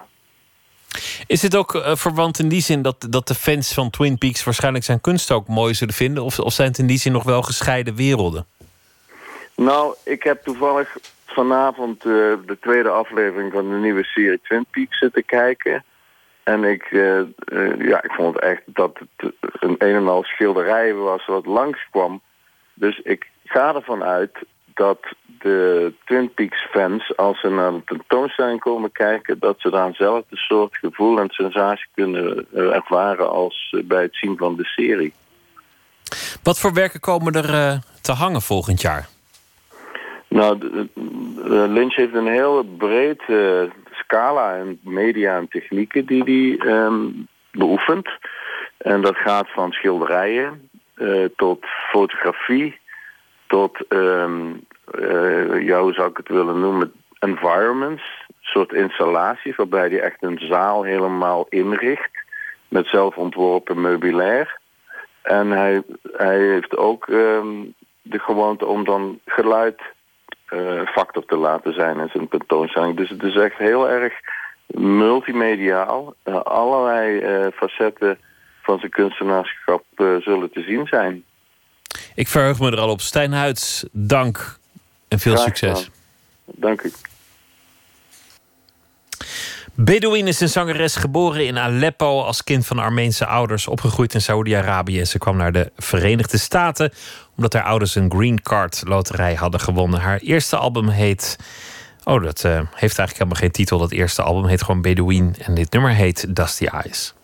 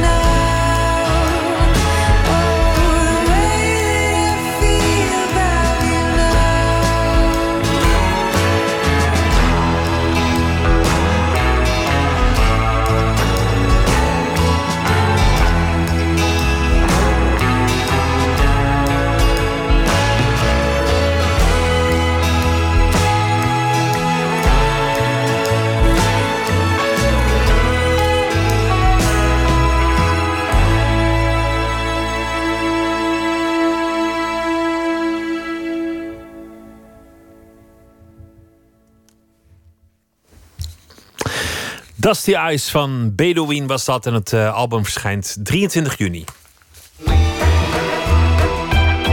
Nooit meer slapen. Donderdag begint in uh, AI, het uh, filmmuseum in Amsterdam, een overzichtstentoonstelling over filmregisseur Martin Scorsese. Alles zal er te zien zijn, ook de films die hem hebben gevormd en geïnspireerd. En Matthijs Deen die zocht uh, filmjournalist Jos van den Burg op, op zoek naar de bron van Scorsese's meesterschap.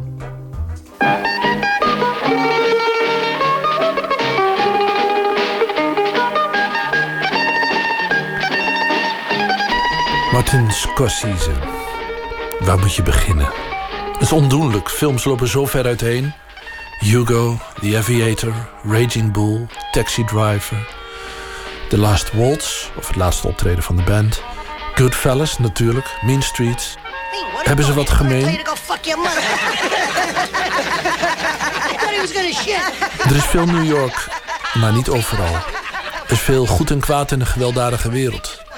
En vaak, natuurlijk niet altijd, maar vaak voel je de aanwezigheid van onderliggende religie die het moeilijk heeft in een boze wereld. Van gemeenschap, maffia, familie, Italiaanse keuken, opvliegende karakters. Funny guy. Well, I'm funny how? I mean funny like I'm a clown, I amuse you? How the fuck am I funny? What the fuck is so funny about me? Tell me. Tell me what. De bron van het alles is ongetwijfeld de wereld van Scorsese's jeugd, van Scorsese thuis, zijn vader, zijn moeder. See, there he goes putting his mother in again. All right, let's go inside and let's see. So now, if you want me to uh, Yeah, come on. show you, I'll come and show you how I make the sauce. Filmjournalist Jos van den Burg, die onder andere schrijft voor het Parool, wees me op een film die gewoon op YouTube te vinden is. En die heet Italian American. En het is alleen maar een gesprek met zijn ouders. Gemaakt in 1974. Uh, en dan gaat hij zijn ouders interviewen. Why are you so far from me? Okay. Arbeidersmilieu. Why, you, why is he down there? Zijn ouders zitten op de bank.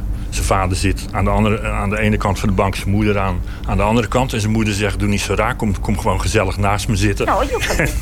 Get closer. En die vader die schuift dan een beetje op op die bank. That's it. That's more like it. En dan is de eerste vraag van Scorsese, ma, vertel eens.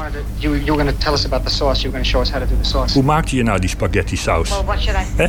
En dan zegt ze, ja, wa- wat gaan we hier doen? Gaan we nou een interview? Wat, wat wil je weten? Wat, eh, hè? En, maar hij wil gewoon weten Well, van... what? About the sauce. Uh, how, who, who, how did you learn how to make sauce? Well, I'm supposed to be talking to you? Ach, die spaghetti saus zit natuurlijk een hele wereld. Hij wil gewoon weten uit wat voor wereld zijn ouders zijn gekomen. Hè, en dat is zijn grootouders. Hè, eh, zijn, eh, Scorsese's grootouders, dus de ouders van zijn ouders. Die, komen, die kwamen uit Sicilië. Dat waren nog de, de immigranten. Hè, rechtstreekse immigranten. En die hebben natuurlijk heel veel doorgegeven aan, aan zijn ouders. En daar wil hij het over hebben. Maar hij begint met die saus. Dat is toch geweldig? Hij zegt niet van... eh, vertel nou eens... eh, wat heb je opgestoken van opa of oma? Nee, hoe maakte je die saus? En dan komt er gewoon... Via die ingang komt, komt er een hele wereld naar boven.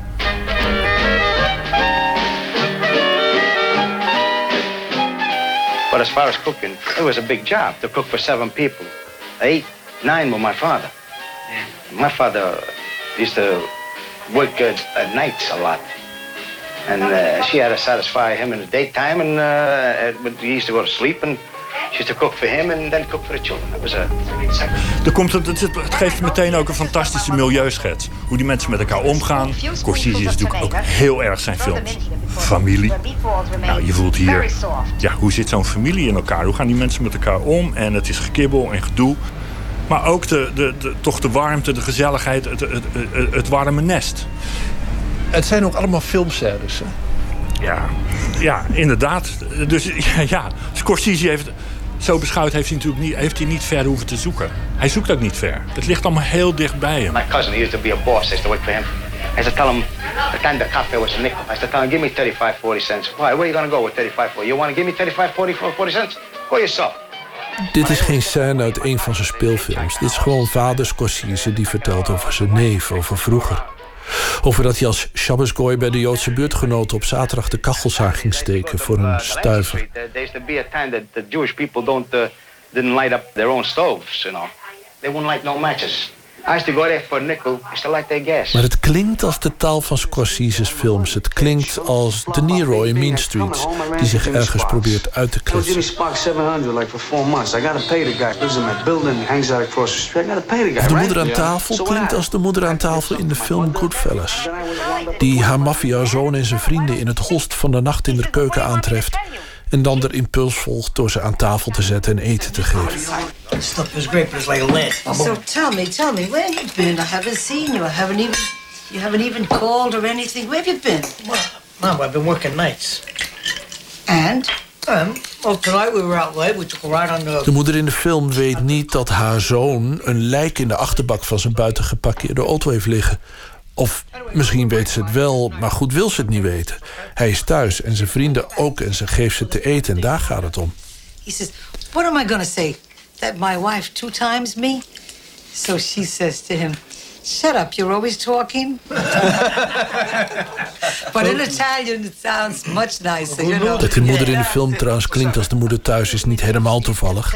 Want ze is ook echt zijn moeder die die, die rol laat spelen. Zoals hij zijn vader in diezelfde film in de gevangennisscène de spaghetti saus laat maken. Tomatensaus en gehaktballetjes. You know, people talk about the Italian American neighborhood. You, you, you're downtown, you know what it is. Now it's kind of gone, but when I grew up there, it was still very much of a small little village life in a way. Scorsese zelf in een interview onderstreept het belang van de mores van de Italiaanse familie waar zijn films mee doortrokken zijn. You know, there was that element of organized crime, there was that element of, of danger at times, and, and some family members just not making it, just going off the wrong way and, and not winding up uh, alive anymore. And uh, that doesn't mean the mothers didn't love the sons the same way. Why don't you get yourself a nice girl? I get a nice one almost every night, Ma. Yeah, but get yourself a girl so you could settle down. That's what I, I, settle mean. down almost every night, but then in the morning I'm free. I love you. I want to be with you. I want to be with you. Don't just settle down. Het is zo grappig dat Little Italy, waar hij opgroeide, is een wijk in Manhattan. We, nou, we kennen Manhattan allemaal van Woody Allen, maar die zat precies aan de andere kant. Als de films van Woody Allen, die spelen zich af in het mooiere, betere gedeelte van Manhattan. En Scorsese die zit in de onderbuik en de, en, en, en, de, en de rauwe onderkant van Manhattan. Heel anders dan. En terwijl dat ligt misschien hemelsbreed ja, een paar kilometer van elkaar. Hij zat nog in een relatief eh, ja, veilige buurt, maar hij zegt twee straten verder. Daar was het echt gewoon één grote chaos, één grote gewelddadige bende. En eh, kijk, misschien heeft hij de verhalen over zijn jeugd en over vroeger, misschien heeft hij ze iets aangedikt. Zou heel goed kunnen. Iedereen maakt een verhaal van zijn leven, en Scorsese natuurlijk ook. Maar er is geen reden om eraan te twijfelen dat hij de waarheid spreekt als hij zegt dat hij soms, als hij op straat liep, in zijn- in jongenstijd, dat er soms een lijk lag. En dan was er iemand omgelegd.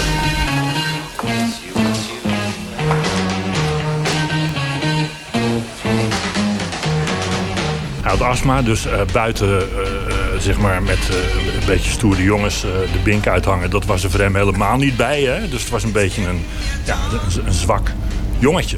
Dus die, die, die niet echt kon meedoen met, met, met, met, de, met de stoere jongens buiten. Hij zag veel films met zijn ouders op televisie. Ook, ook heel veel in de bioscoop trouwens. Hij is heel, heel jong, ging met zijn ouders naar de bioscoop. Ik denk wel iedere week ongeveer ging ze films zien. Daar is echt zijn liefde voor film ontstaan. Oh, Gesù. En over de liefde voor die oude films, vooral de Italiaanse cinema van de jaren 50 en 60. En hoe die hem gevormd hebben, vertelt Scorsese in zijn documentaire My Voyage to Italy. Italiaanse cinema, het is echt. Als je nu terugblikt, dan schieten bijna de tranen in je ogen hoe goed die cinema was. Hoe goed die films waren. En hoe enorm gedreven die regisseurs van die films probeerden om iets te vertellen over de werkelijkheid. Over hoe wij met elkaar omgaan als mensen. Die films die sneden hout, die gingen ergens over. En nou, ja, dat begint natuurlijk meteen na, na de oorlog, of zelfs in de oorlog, met eh, Roma, Open Stad van Rossellini. Ik weet niet of het het slotbeeld is, maar het zit helemaal aan het eind. Het beeld dat Anja Magnani, die een verhouding heeft, ik geloof met de buurman, maar de buurman wordt opgepakt en zij rent schreeuwend naar buiten, wordt in de rug geschoten door de Duitsers, Duitse bezetter. Ja, dat is nog zo, als je terug ziet, nu nog steeds, het is nog zo'n aangrijpend beeld, maar het zegt zoveel over de, die samenleving. En dat geldt voor al die films. Of we het nu hebben over fietsendieven van de Sica... of later over Antonioni. Het zijn films die, die, die iets proberen duidelijk te maken over ons en, en de samenleving waarin we leven. En dat is precies wat Scorsese dus ook doet. En daarom, hij is ook, dat wil ik echt heel erg benadrukken. Hij is echt de grootste van zijn generatie. Want we hebben natuurlijk die kinderfilmer Spielberg, zeg maar. Op een paar uitzonderingen na heeft hè, Lincoln, dat zijn serieuze films. Maar verder, ja. Maar Scorsese zat het, die definieert film totaal anders dan Spielberg. Die maakt echt films om iets, om iets te leren, om iets te begrijpen. Van zichzelf, van de mensheid. Allemaal grote woorden, maar het is wel waar. En van de samenleving waarin hij opgroeide. Dat past zo bij Scorsese. Die is doortrokken van film. Hij ademt film.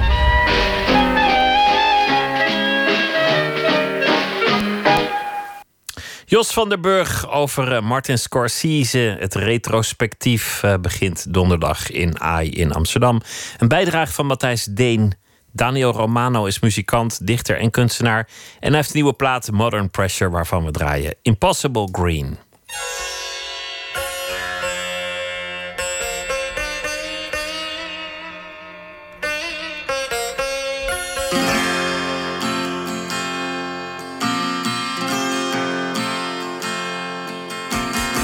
In reckless moments, something went from being born to being spent. And words that came had soon been sent to watch behind the grasses. A yellow blush of gaping sky had opened all the calloused eyes to study it and realize the glare behind the lashes.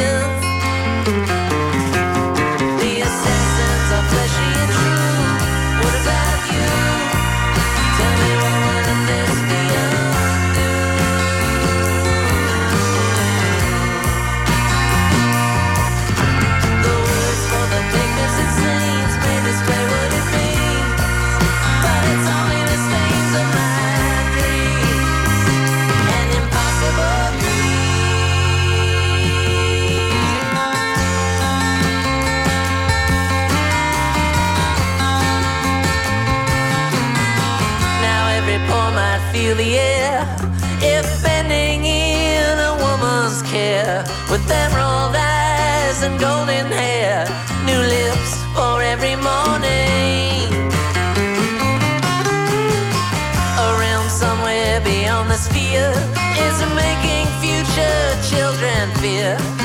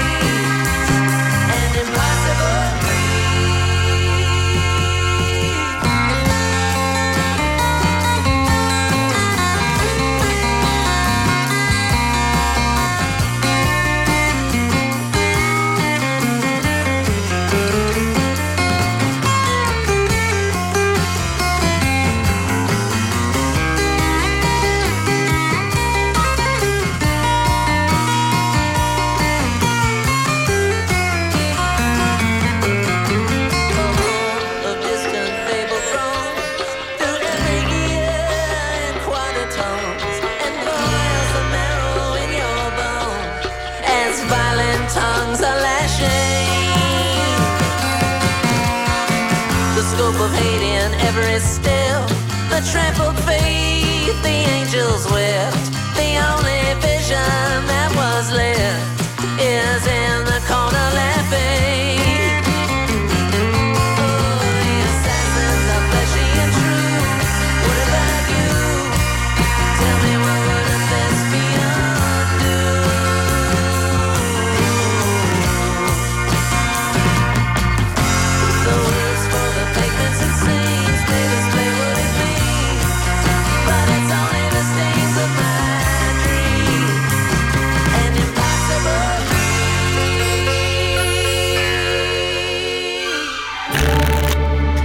Kaart.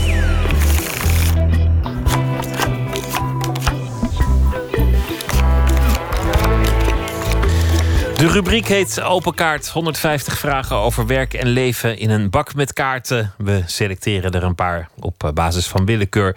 Te gast is schrijver Chris Polane, geboren en getogen in Suriname. Kwam naar Nederland om diergeneeskunde te studeren. Dat is alweer een uh, tijd geleden. Hij is uh, gaan schrijven omdat hij heimwee had, columns en korte verhalen.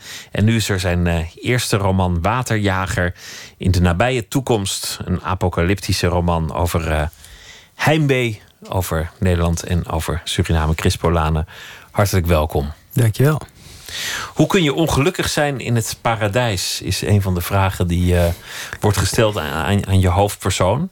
Hij is, hij is, verhuisd naar een land waar eigenlijk heel veel dingen heel goed zijn. Ja. En, en toch, toch mist hij waar hij vandaan komt. Ja, ja dat, dat kan natuurlijk wel. Um, want het paradijs, dat, dat gaat dan vooral over uh, materiële dingen. Hè? Het gaat over uh, de mogelijkheid om te studeren, de mogelijkheid om je te ontwikkelen en uh, een goed en veilig leven te hebben. Um, maar ja, dan, er zijn natuurlijk andere dingen nog die, die ook heel belangrijk zijn. En die die je zo erg kan missen dat je ongelukkig wordt. En dan ja, denk ik aan uh, het klimaat. Dat is een grote, de zon. Maar ook groot het, fe het feit dat je je um, geborgen voelt en dat je je thuis voelt ergens. Gewoon je, je thuis, ja. Heel logisch. Ik denk dat de meeste mensen dat zouden hebben die, die verhuizen over een. Uh, een grote afstand. Zelfs over een kleine afstand kan je het al hebben. Ik, ik, ik denk dat het heel menselijk is. Hoe, hoe, erg had je dat zelf toen je hier naartoe kwam? Het gekke was, ik had dat uh, in het begin niet zo heel erg. Omdat ik kwam om te studeren. En het, ging ook heel slecht in Suriname. Dus um, ja, je legt je er dan bij neer. Van ik ben hier nou eenmaal en het is voor, het, een goed doel. En als ik dan afgestudeerd ben, dan ga ik terug. De erge heimwee die kwam pas toen het bleek dat het heel moeilijk was om terug te gaan. Uh, de situatie in Suriname was, was slecht. Um, de vrouw waar ik mee getrouwd was, die wilde, wilde niet naar Suriname. En ja, toen, uh, toen zag ik op een gegeven moment... hé, hey, teruggaan wordt onmogelijk. En toen kreeg ik dus uh, heel erg heimwee. In, in je boek beschrijf je hoe, hoe dat vooral inwendig wordt beleefd. Het is, het is niet iets waar je hoofdpersoon de hele tijd over praat.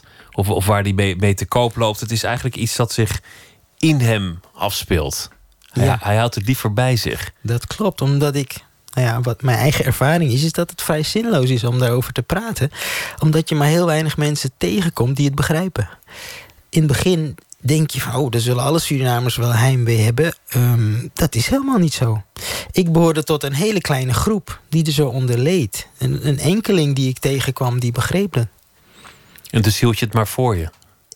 Ja.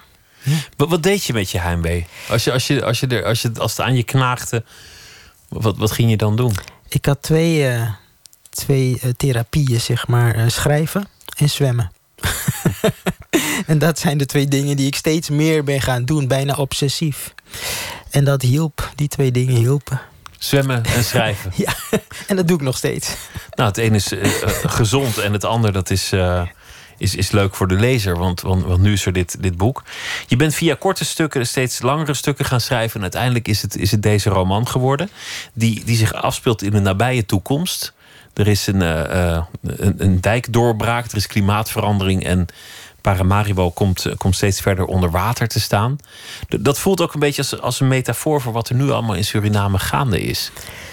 Uh, ja. Uh, ik kon het als niet helpen het, het, zo te lezen. Ja, de meeste mensen die zien dat wel zo. Uh, het gaat heel slecht in Suriname. En veel slechter dan, dan onder water staan wordt het natuurlijk niet. Dus ja, ik heb, ik heb gekozen voor het slechtste scenario. En dan gekeken van ja, wat, wat is er dan nog mogelijk? Is er dan nog iets mogelijk? En er is wel degelijk iets mogelijk. Dus er, er zijn altijd mensen die overleven. Alleen, ja, dat wordt wel een heel ander soort maatschappij. Um, een, ja, een soort Wild West eigenlijk, waarbij het het recht van de sterkste geldt. Je beschrijft het als een, als een heel grimmige samenleving. Uh, veel geweld, het, het is hard. Iedereen moet echt voor zichzelf opkomen. Het, het, is, het is een vrij meedogenloos beeld dat je, dat je schetst. Ja, dat klopt. Dat klopt. En de, de hoofdpersoon die, die probeert zijn weg daarin, daarin te vinden. Met, na, met name samen met zijn broer, die daar opgegroeid is. En dus ook gevormd is door die harde maatschappij. Is, eh, letterlijk, hij is heel sterk. En hij, is een, een formidabele vechter. En hij is als het ware daar geëvolueerd. En ehm, mijn hoofdpersoon, ja, die, die gaat met hem mee. En eh, die probeert eh, zich thuis te voelen daar. Wat natuurlijk eigenlijk onmogelijk is.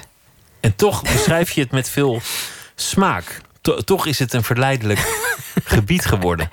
Het, het is aan de ene kant alleen maar, alleen maar eh, hardheid en, en ellende, maar, maar toch zit er ook een soort aantrekkingskracht in. Ja, want er is natuurlijk op, eh, overal is iets moois te vinden. Hè? Eh, bijvoorbeeld de Brazilianen, die een, een grote rol spelen in het boek, die, eh, die maken een groot deel uit van de bevolking. En dat zijn hele, hele mooie mensen. Dat zijn ook hele gezellige mensen. En die vieren feesten, zelfs onder die omstandigheden. En eh, er is natuurlijk eh, er is, eh, romantiek. ehm, en eh, er is mystiek. Dus het is, het is niet alleen maar grimmig, het is ook mysterieus. Over dat vechten, je, je, beschrijft het, is maar een detail in het boek, maar ik vond het erg leuk. Een, een taekwondo-leraar, meester Lee. Ja. En die herkende ik omdat eerder dit jaar Karen Amat Moekrim een boek schreef over de zoektocht naar haar vader. En dat was de, de taekwondo-hoogleraar, of de hoogleraar, de taekwondo-docent meester Lee. Ja, dat klopt. Dat is eigenlijk ja, de, de oude Lee, zoals ik hem noem in het boek, die is gebaseerd natuurlijk op Erik Lee. En zoals als bijna alle Surinaamse mannen van, van, van mijn generatie heb ik ook les gehad van hem. Heb ik taekwondo les gehad van hem. En ehm, in het boek komt dus een taekwondo-leraar voor. Ook een, een soort legendarisch figuur die de, de hoofdpersonen in het boek leert, eh, leert vechten. En eh, heel goed vechten zelfs. Hoe kijk je aan tegen het Suriname van nu? Want, je, want jij kwam naar Nederland om te studeren. Je, je, je beschreef dat je eigenlijk niet meer goed terug kon. Dat, dat je een beetje veroordeeld was om hier te blijven. De keuze werd voor jou gemaakt. Ja. Nu is er natuurlijk heel veel aan de hand. Er zijn, er zijn protesten. Eh eh, Bouterse die heeft de, macht. En er, is- is crisis. Hoe, kijk je aan tegen het, Suriname van nu? Ja, ehm, verdrietig. Want je hoopt natuurlijk altijd dat het beter gaat. Maar ik ben nu meer dan 30 jaar in Nederland. En er zijn wel wat periodes geweest dat het beter ging. Maar er is dan altijd weer een terugval.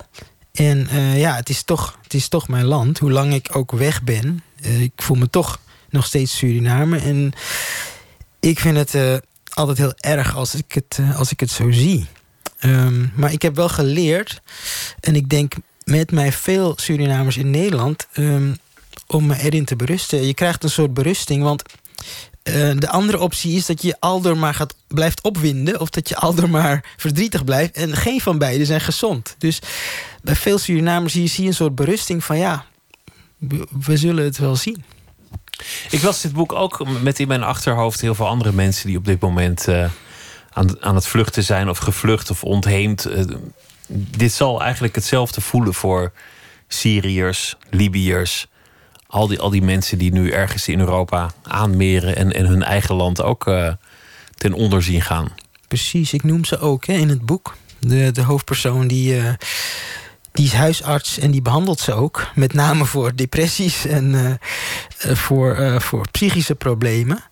Want ehm, ja, hoe goed je iemand hier ook opvangt, de heimwee blijft, denk ik, voor, voor heel veel mensen. En ehm, het gevaar van psychisch lijden ligt natuurlijk op de loer. En ehm, ja, ik, ik, als ik kijk naar al, alle migranten en vluchtelingen, dan hoop ik maar dat ze, dat ze er sneller overheen komen dan ik. Want bij jou heeft het lang geduurd. Je, je werkt ook als, eh, als dierenarts. Jouw, jouw, jouw eh, hoofdpersoon is een, een gewone arts. Maar eh, Ja. bij, bij jou zijn het, zijn het de dieren. Ja, ja precies. Ehm, ik wilde niet echt een dierenarts als hoofdpersoon. Ehm, en mijn huisarts, dat is, ja, ligt voor mij toch ook wel dichtbij. ja. Ja, het lijkt op elkaar. Zullen we beginnen met de kaarten? Ja. Ik wil je vragen om een, eh, een, een kaart eh, hier uit te pakken. Wat wil je later worden? Ja. nou, dat is een hele goeie, want ik wil, eh, ik wil schrijver worden. Je bent schrijver vanaf, Ja. vanaf nu. Ja, dat klopt. Dat klopt. Ehm, ik hoop dat ook echt te blijven. Ik, ik weet niet of je jezelf als schrijver mag noemen als je één boek hebt geschreven. Maar ik hoop dus te, te blijven schrijven. En ik, ja, dat kan je natuurlijk tot op hoge leeftijd. Dus eh, dat is wat ik later, ook als ik gepensioneerd ben, eh, wil doen. Laten we nog geen. alsjeblieft. Wat waardeer je in je vrienden? Ehm, ja, dat is een eh, goede vraag. Ik denk wel een aantal dingen. Ik denk, ehm, ehm, met vrienden moet je, tenminste, zo zie ik het, moet je ehm, blijven onderzoeken. Eh, onderzoeken wat, wat van waarde is eh, in het leven en hoe je door het leven gaat. En de vrienden die ik heb zijn mensen waar je dat mee kan bespreken. Ja, en en wat natuurlijk ook heel fijn is als ze jou op jouw manier het laten onderzoeken zonder het te veroordelen. En omgekeerd. Ja, mooi, mooi gezegd. Neem er nog geen. Wanneer heb je enorm geschaamd? Ehm, ja, enorm geschaamd. Ik heb me natuurlijk wel eens geschaamd. Ehm, eh, ik denk eh, toen mijn huwelijk eh, stuk liep, ehm, schaamde ik me ook wel voor mijn aandeel daarin. Ja, dat denk ik wel. Ja, ja. Dat is ook een nederlaag. Ja, dat, is, dat voelt als een, als een zware nederlaag. Ja, ja, ja. Omdat je dan eigenlijk denkt van ja, je ziet het allemaal, je ziet het heel veel om je heen. Ehm, maar je denkt dat, het, dat jij eraan ontkomt. dat, het, dat, het, dat het jou wel gaat lukken. En ehm, als het niet lukt, dan, dan ja, dat, dat voelde wel ook als een soort schaamte. Ja, ja. Laten we nog geen doen. Welk boek had je zelf graag geschreven? Ehm, ja, er zijn er wel meerdere, maar ik zal er eentje noemen. Die Ja? heb ik niet zo lang geleden eh, gelezen. Die heet Ga niet weg van Margaret Mazzantini, een Italiaanse schrijfster. En dat boek is zo goed geschreven. Zal ik kort vertellen waar het over gaat? Ja, ja, ja ga je gang. Dat gaat over een arts, over een, een chirurg. Die dus het eigenlijk het helemaal gemaakt heeft. Eh, hij is getrouwd, hij heeft een dochter. Ehm, maar die wordt verliefd op een vrouw die die, op straat ziet lopen. En dat is, is geen mooie vrouw. Dat is geen, geen, zelfs geen, geen aantrekkelijke vrouw, maar een soort verlopen vrouwtje. En eh, hij ontwikkelt een obsessieve liefde voor die vrouw. En zijn hele leven eh, staat dan op zijn kop. En dat is zo geloofwaardig beschreven en zo meeslepend... dat ik dacht van ja, zo'n boek zou ik willen schrijven. Mooi. Laten we nog één vraag doen. Wie of wat bezorgt jouw plaatsvervangende schaamte? dat is niet zo heel moeilijk. Dat, is momenteel de, dat zijn momenteel de, de politici in Suriname. De, de mensen die de leiding hebben. En dan denk je van ja, dat is echt eh, schaamteloos. ehm, en zoals het, ja, zoals het land nu geregeerd wordt. ja, ik denk dat ik het zo zal. Dat ik het daarbij zal laten. Moeilijk om, eh, om aan te zien. ja. Het boek heet eh, Waterjager. Chris Polane, dank je wel. En heel veel succes met eh, je schrijverschap en, en het boek. Dank je. Graag gedaan. Dankjewel. Het is even stil geweest rond Umu Sangare, de Malinese zangeres. Maar ze heeft een nieuw album en dit nummer heet Kamelemba.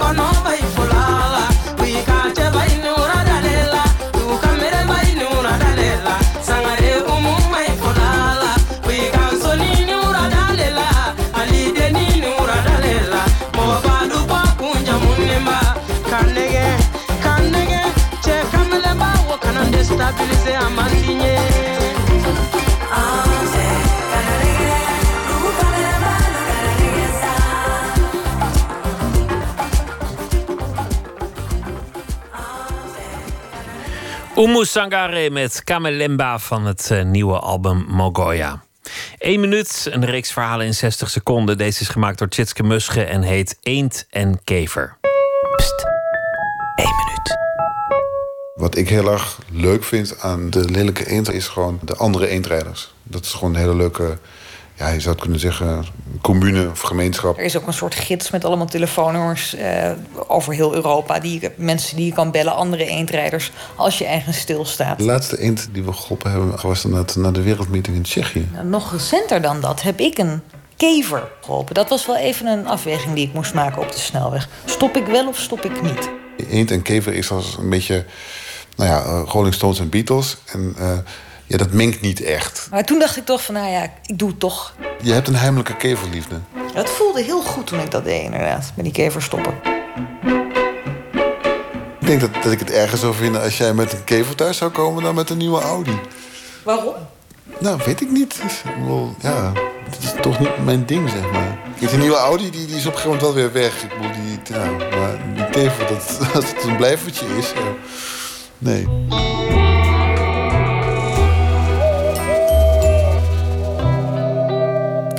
Schrijver Thomas van Aalten zal deze week elke nacht een verhaal maken bij de voorbije dag. Thomas, goeienacht. Goeienacht. Wat is het eh, geworden vandaag?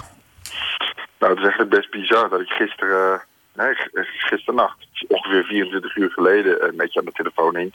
Dat het nieuws toen zich eigenlijk, eh, het belangrijkste nieuws zich toen afspeelde. Maar en net als de kranten van vanochtend miste dat natuurlijk. En dan eh, heb ik het over de, de aanslag in, eh, in Manchester bij het, bij Ja. het concert van Ariana Grande. En daar Het, het, was, het was bezig tijdens, tijdens deze uitzending. Maar er werd eigenlijk maar niks duidelijk. Er kwam eigenlijk geen nadere informatie. Dus eh, ja, we, we waren gedwongen eigenlijk min of meer om over andere dingen door te praten. Omdat er verder niks te melden viel. Terwijl je wel aanvoelde dat, dat er groot nieuws gaande was. Maar, maar het duurde heel lang voordat er een soort informatievoorziening op gang kwam. Ja, dat is wa- wat, wat de bittere zeg maar time management van, dat was dan niet zo goed uitgekozen. Want het miste natuurlijk alle, alle dagpers en mondjesmaat kwam het natuurlijk op gang. Maar ja, als je dan toch je momentum als terrorist wil pakken, zou ik zeggen, dan eh, ja, hoe wrang dat ook, ook mogen klinken. Volgens mij eh, is hier een ehm, meerdere vlakken is hier iets eh, zeer misgegaan. En je nu ook voor de terrorist. Je zou zeggen, eh, je moet wat, wat verder voor de deadline gaan zitten. Ja, zo, zo bitter denk ik dan wel. En net vandaag had ik ook, ehm, eh, omdat het zo in, in dat uur eigenlijk tussen slapen en eh, ontwaken heeft plaatsgevonden. Ehm, was het eigenlijk ook alweer verwerkt of zo toen de dag begon. Mensen ontkenden het ook bijna. Weet je, je hebt dan, misschien is dat ook een natuurlijke reflex voor dit soort rampen, dat we het er niet meer over hebben. Het was natuurlijk ook mooi weer. De stad eh, waar ik woon zag er eigenlijk prachtig, eh, prachtig uit. En dat is waarschijnlijk het enige eh, hoe je je kunt wapenen tegen het grote leed. Toch maar doorgaan. Ik ben benieuwd naar het verhaal. Door de week chips. Schiet op, anders missen we de bus. Eigenlijk wilde vader Dave met de auto, maar hij was bang dat hij misschien hopeloos moest zoeken naar een parkeerplaats. Kom, kom, riep hij naar zijn dochter. Ineens hoorde hij een verbijsterde no uit de badkamer. Wat, wat? vroeg Dave onderaan de trap. Hij hoorde hoe Kathy de badkamerdeur opentrapte. En met de telefoon in haar hand bleef ze bovenaan de trap staan. De vuile trut, brieste Kathy. Mij een beetje lekker maken en het dan terugdraaien. Haar klasgenoot Penelope liet zojuist weten dat ze het concertkaartje toch had gegeven aan haar vriendje, terwijl die eigenlijk met een oorontsteking op bed lag. Op school had Penelope tegen Cathy gezegd dat juist zij in plaats van hem mocht. Maar de penicilline was kennelijk aangeslagen. Dat doe je toch niet, riep Cathy. Die gozer houdt niet eens van die muziek. Dave speelde onhandig met zijn sleutelbos. Wat een streek, prevelde hij. Toen hij jong was, had hij eens kaartjes voor de special gekocht. Voor hem en zijn toenmalige vriendinnetje. Maakte ze het die avond uit. Uit woede gaf hij het andere kaartje weg aan wildvreemde voorbijgangers. En hij had de passant overigens niet eens gezien bij het concert. Een half uur zochten ze doelloos op internet naar kaartjes. Hij zou desnoods met zijn 15-jarige dochter meegaan, maar het mocht niet baten. Hij sloeg een arm om haar heen. Ze duwde die arm van zich af, maar toch waardeerde ze het gebaar. Ariana Grande zette een paar kilometer verderop in met Alright, terwijl vader en dochter samen een film keken. Kathy mocht voor één keer door de week chips, wat normaal alleen in het weekend mocht. Het verhaal op de achtergrond bij eh, de aanslag van gisteren. Een aanslag die, eh, die, die eh, ja, voor jouw gevoel toch minder heeft losgemaakt dan je strikt genomen zou verwachten. Op basis van de gruwel die er heeft plaatsgevonden. Nou, misschien zijn we, zijn we murf. Laat niet, en ik reageerde net ook wat cynisch. God, de terrorist had beter zijn time management moeten doen. Maar mensen begrijpen natuurlijk dat het ook een soort automatisme is om op deze manier te handelen. Ja, het is, uh, het is misschien waar dat, dat, uh, dat terrorisme op, op, op een zeker niveau wendt. Ik bedoel, mensen zijn uiteraard geschokt en het is uiteraard groot nieuws. Maar de, de schok lijkt wel iedere keer iets kleiner te worden. Het is iedere keer iets minder het gesprek van de dag. Uh, ik weet niet hoe dat in Engeland zelf zit. Waarschijnlijk was het daar heel anders. Maar... Jawel, maar het is natuurlijk ook... Misschien zijn we, is het een beetje fluiten in het donker. Omdat steeds ons land de dans heeft ontsprongen. Hoe wrang dat ook is. Dus dat we maar denken, weet je, net als dat je hoort dat iemand een, een fatale ziekte heeft, maar jij niet. Of een, ongeluk, maar jij niet. Dan kun je ook iedere keer denken, oké, uh, we leven nog, dus niet zeuren. En dat is misschien met dit ook wel. We horen steeds hoe om ons heen, zeg maar, de bommen inslaan. Maar wij blijven een soort van verwezen om ons heen kijken en toch maar doorgaan met, uh, met de dagelijkse gang van zaken. Thomas van Aalten, dankjewel. Goeienacht. Tot morgen. Goeienacht. Tot morgen. Hamilton Lighthouse werd bekend als eh, frontman van The Walkman. Hij heeft uh, ook zijn eigen project. Hij zal optreden in, op het uh, festival Down the Rabbit Hole. En dit nummer heet The Silent Orchestra.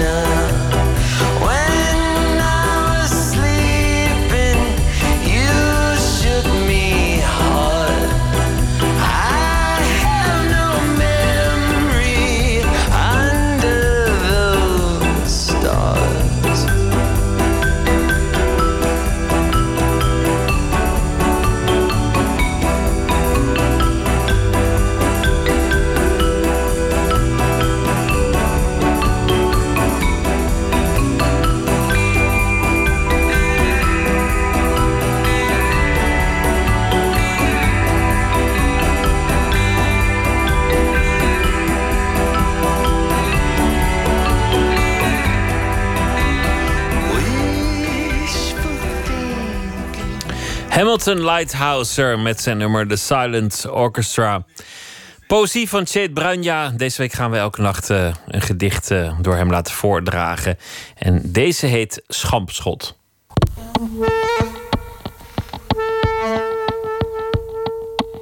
Schampschot. Net niet spook, niet geest in eigen mysterie. Net iets gevoeld waar ik nu geen vinger op kan leggen. Geen spook, wel naam en merk, maar vergeten. Net nog rook. Nat lam dat in een muffe kamer zijn dagen turft pent. Er is daadwerkelijk groei zonder lijden. Er is een wereld die aan films en liedjes en vrienden doet denken. Aan vrienden van vrienden, aan wat mijn zoon zei over wat de vader van een vriend aan had en deed. Zal die zoon me oprapen als ik wankel? Ik deug niet. Er zitten vrouwen in mijn onderarmen. Als sliertjes taugé, netjes samengeperst, een donker vat krioelende made. Zijn moeder is er één van. Ik was merknamen en typenummers aan het ontcijferen in de videoclip. Toen ze me vroeg of ik kwam eten, verstond ik ingetrapte deurtjes weer netjes ophangen. Ik ben het type dat graag op twee bruiloften wil dansen. Het type dat houdt van mensen die hun hart op hun tong dragen. Die hun zwakke plekken niet verbergen. Net als Bono. Als ze zeggen, je hebt een bloedneus, zeg ik, nee jij.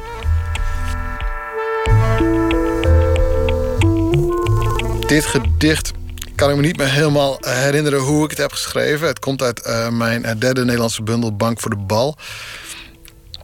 En ehm, kan me wel herinneren dat dat nog steeds gebeurt eigenlijk... is dat ik heel vaak dingen verkeerd versta. Eh, zeker ook als mijn vrouw dingen eh, tegen mij eh, zegt. En hier staat dus, ik verstond ingetrapte deurtjes weer netjes ophangen. En dan vaak is dat een reden om zo'n regel dan, als ik hem mooi vind... ook te gebruiken voor gedichten. Dus een slecht gehoor is in mijn geval een goede bron voor nieuwe gedichten. En eh, er is daadwerkelijk groei zonder lijden. Dat, ik heb dat denk ik ergens eh, gelezen. Dat, dat, er geen groei zonder lijden eh, mogelijk is. En dat wilde ik tegenspreken. Schamschot. Net niet spook, niet geest en eigen mysterie. Net iets gevoeld waar ik nu geen vinger op kan leggen. Geen spook, wel naam en merk. Maar vergeten, net nog rook. Nat lam dat in een muffe kamer zijn dagen turft pent. Er is daadwerkelijk groei zonder lijden. Er is een wereld die aan films en liedjes en vrienden doet denken. Aan vrienden van vrienden, wat mijn zoon zei over wat de vader van een vriend aan had en deed. Zal die zoon me oprapen als ik wankel? Ik deug niet. Er zitten vrouwen in mijn onderarmen, als sliertjes taugé netjes samengeperst, een donker vat, krioelende made. Zijn moeder is er één van. Ik was merknamen en typenummers aan het ontcijferen in de videoclip. Toen ze me vroeg of ik kwam eten, verstond ik ingetrapte deurtjes weer netjes ophangen. Ik ben het type dat graag op twee bruiloften wil dansen. Het type dat houdt van mensen die een hart op hun tong dragen, die hun zwakke plekken niet verbergen, net als Bono. Als ze zeggen: Je hebt een bloedneus, zeg ik: Nee, jij. Chet Bruinja was dat met het eh, gedicht Schampschot. Morgen in Nooit meer slapen Ellie Uitenbroek. Zij is stylist. En ze heeft een eh, tentoonstelling samengesteld in het Nederlands Fotomuseum in Rotterdam.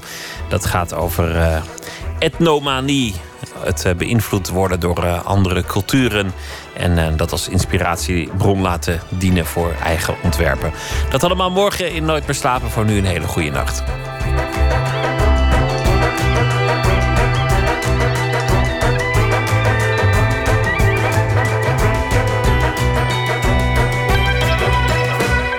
Op Radio 1, het nieuws van alle kanten.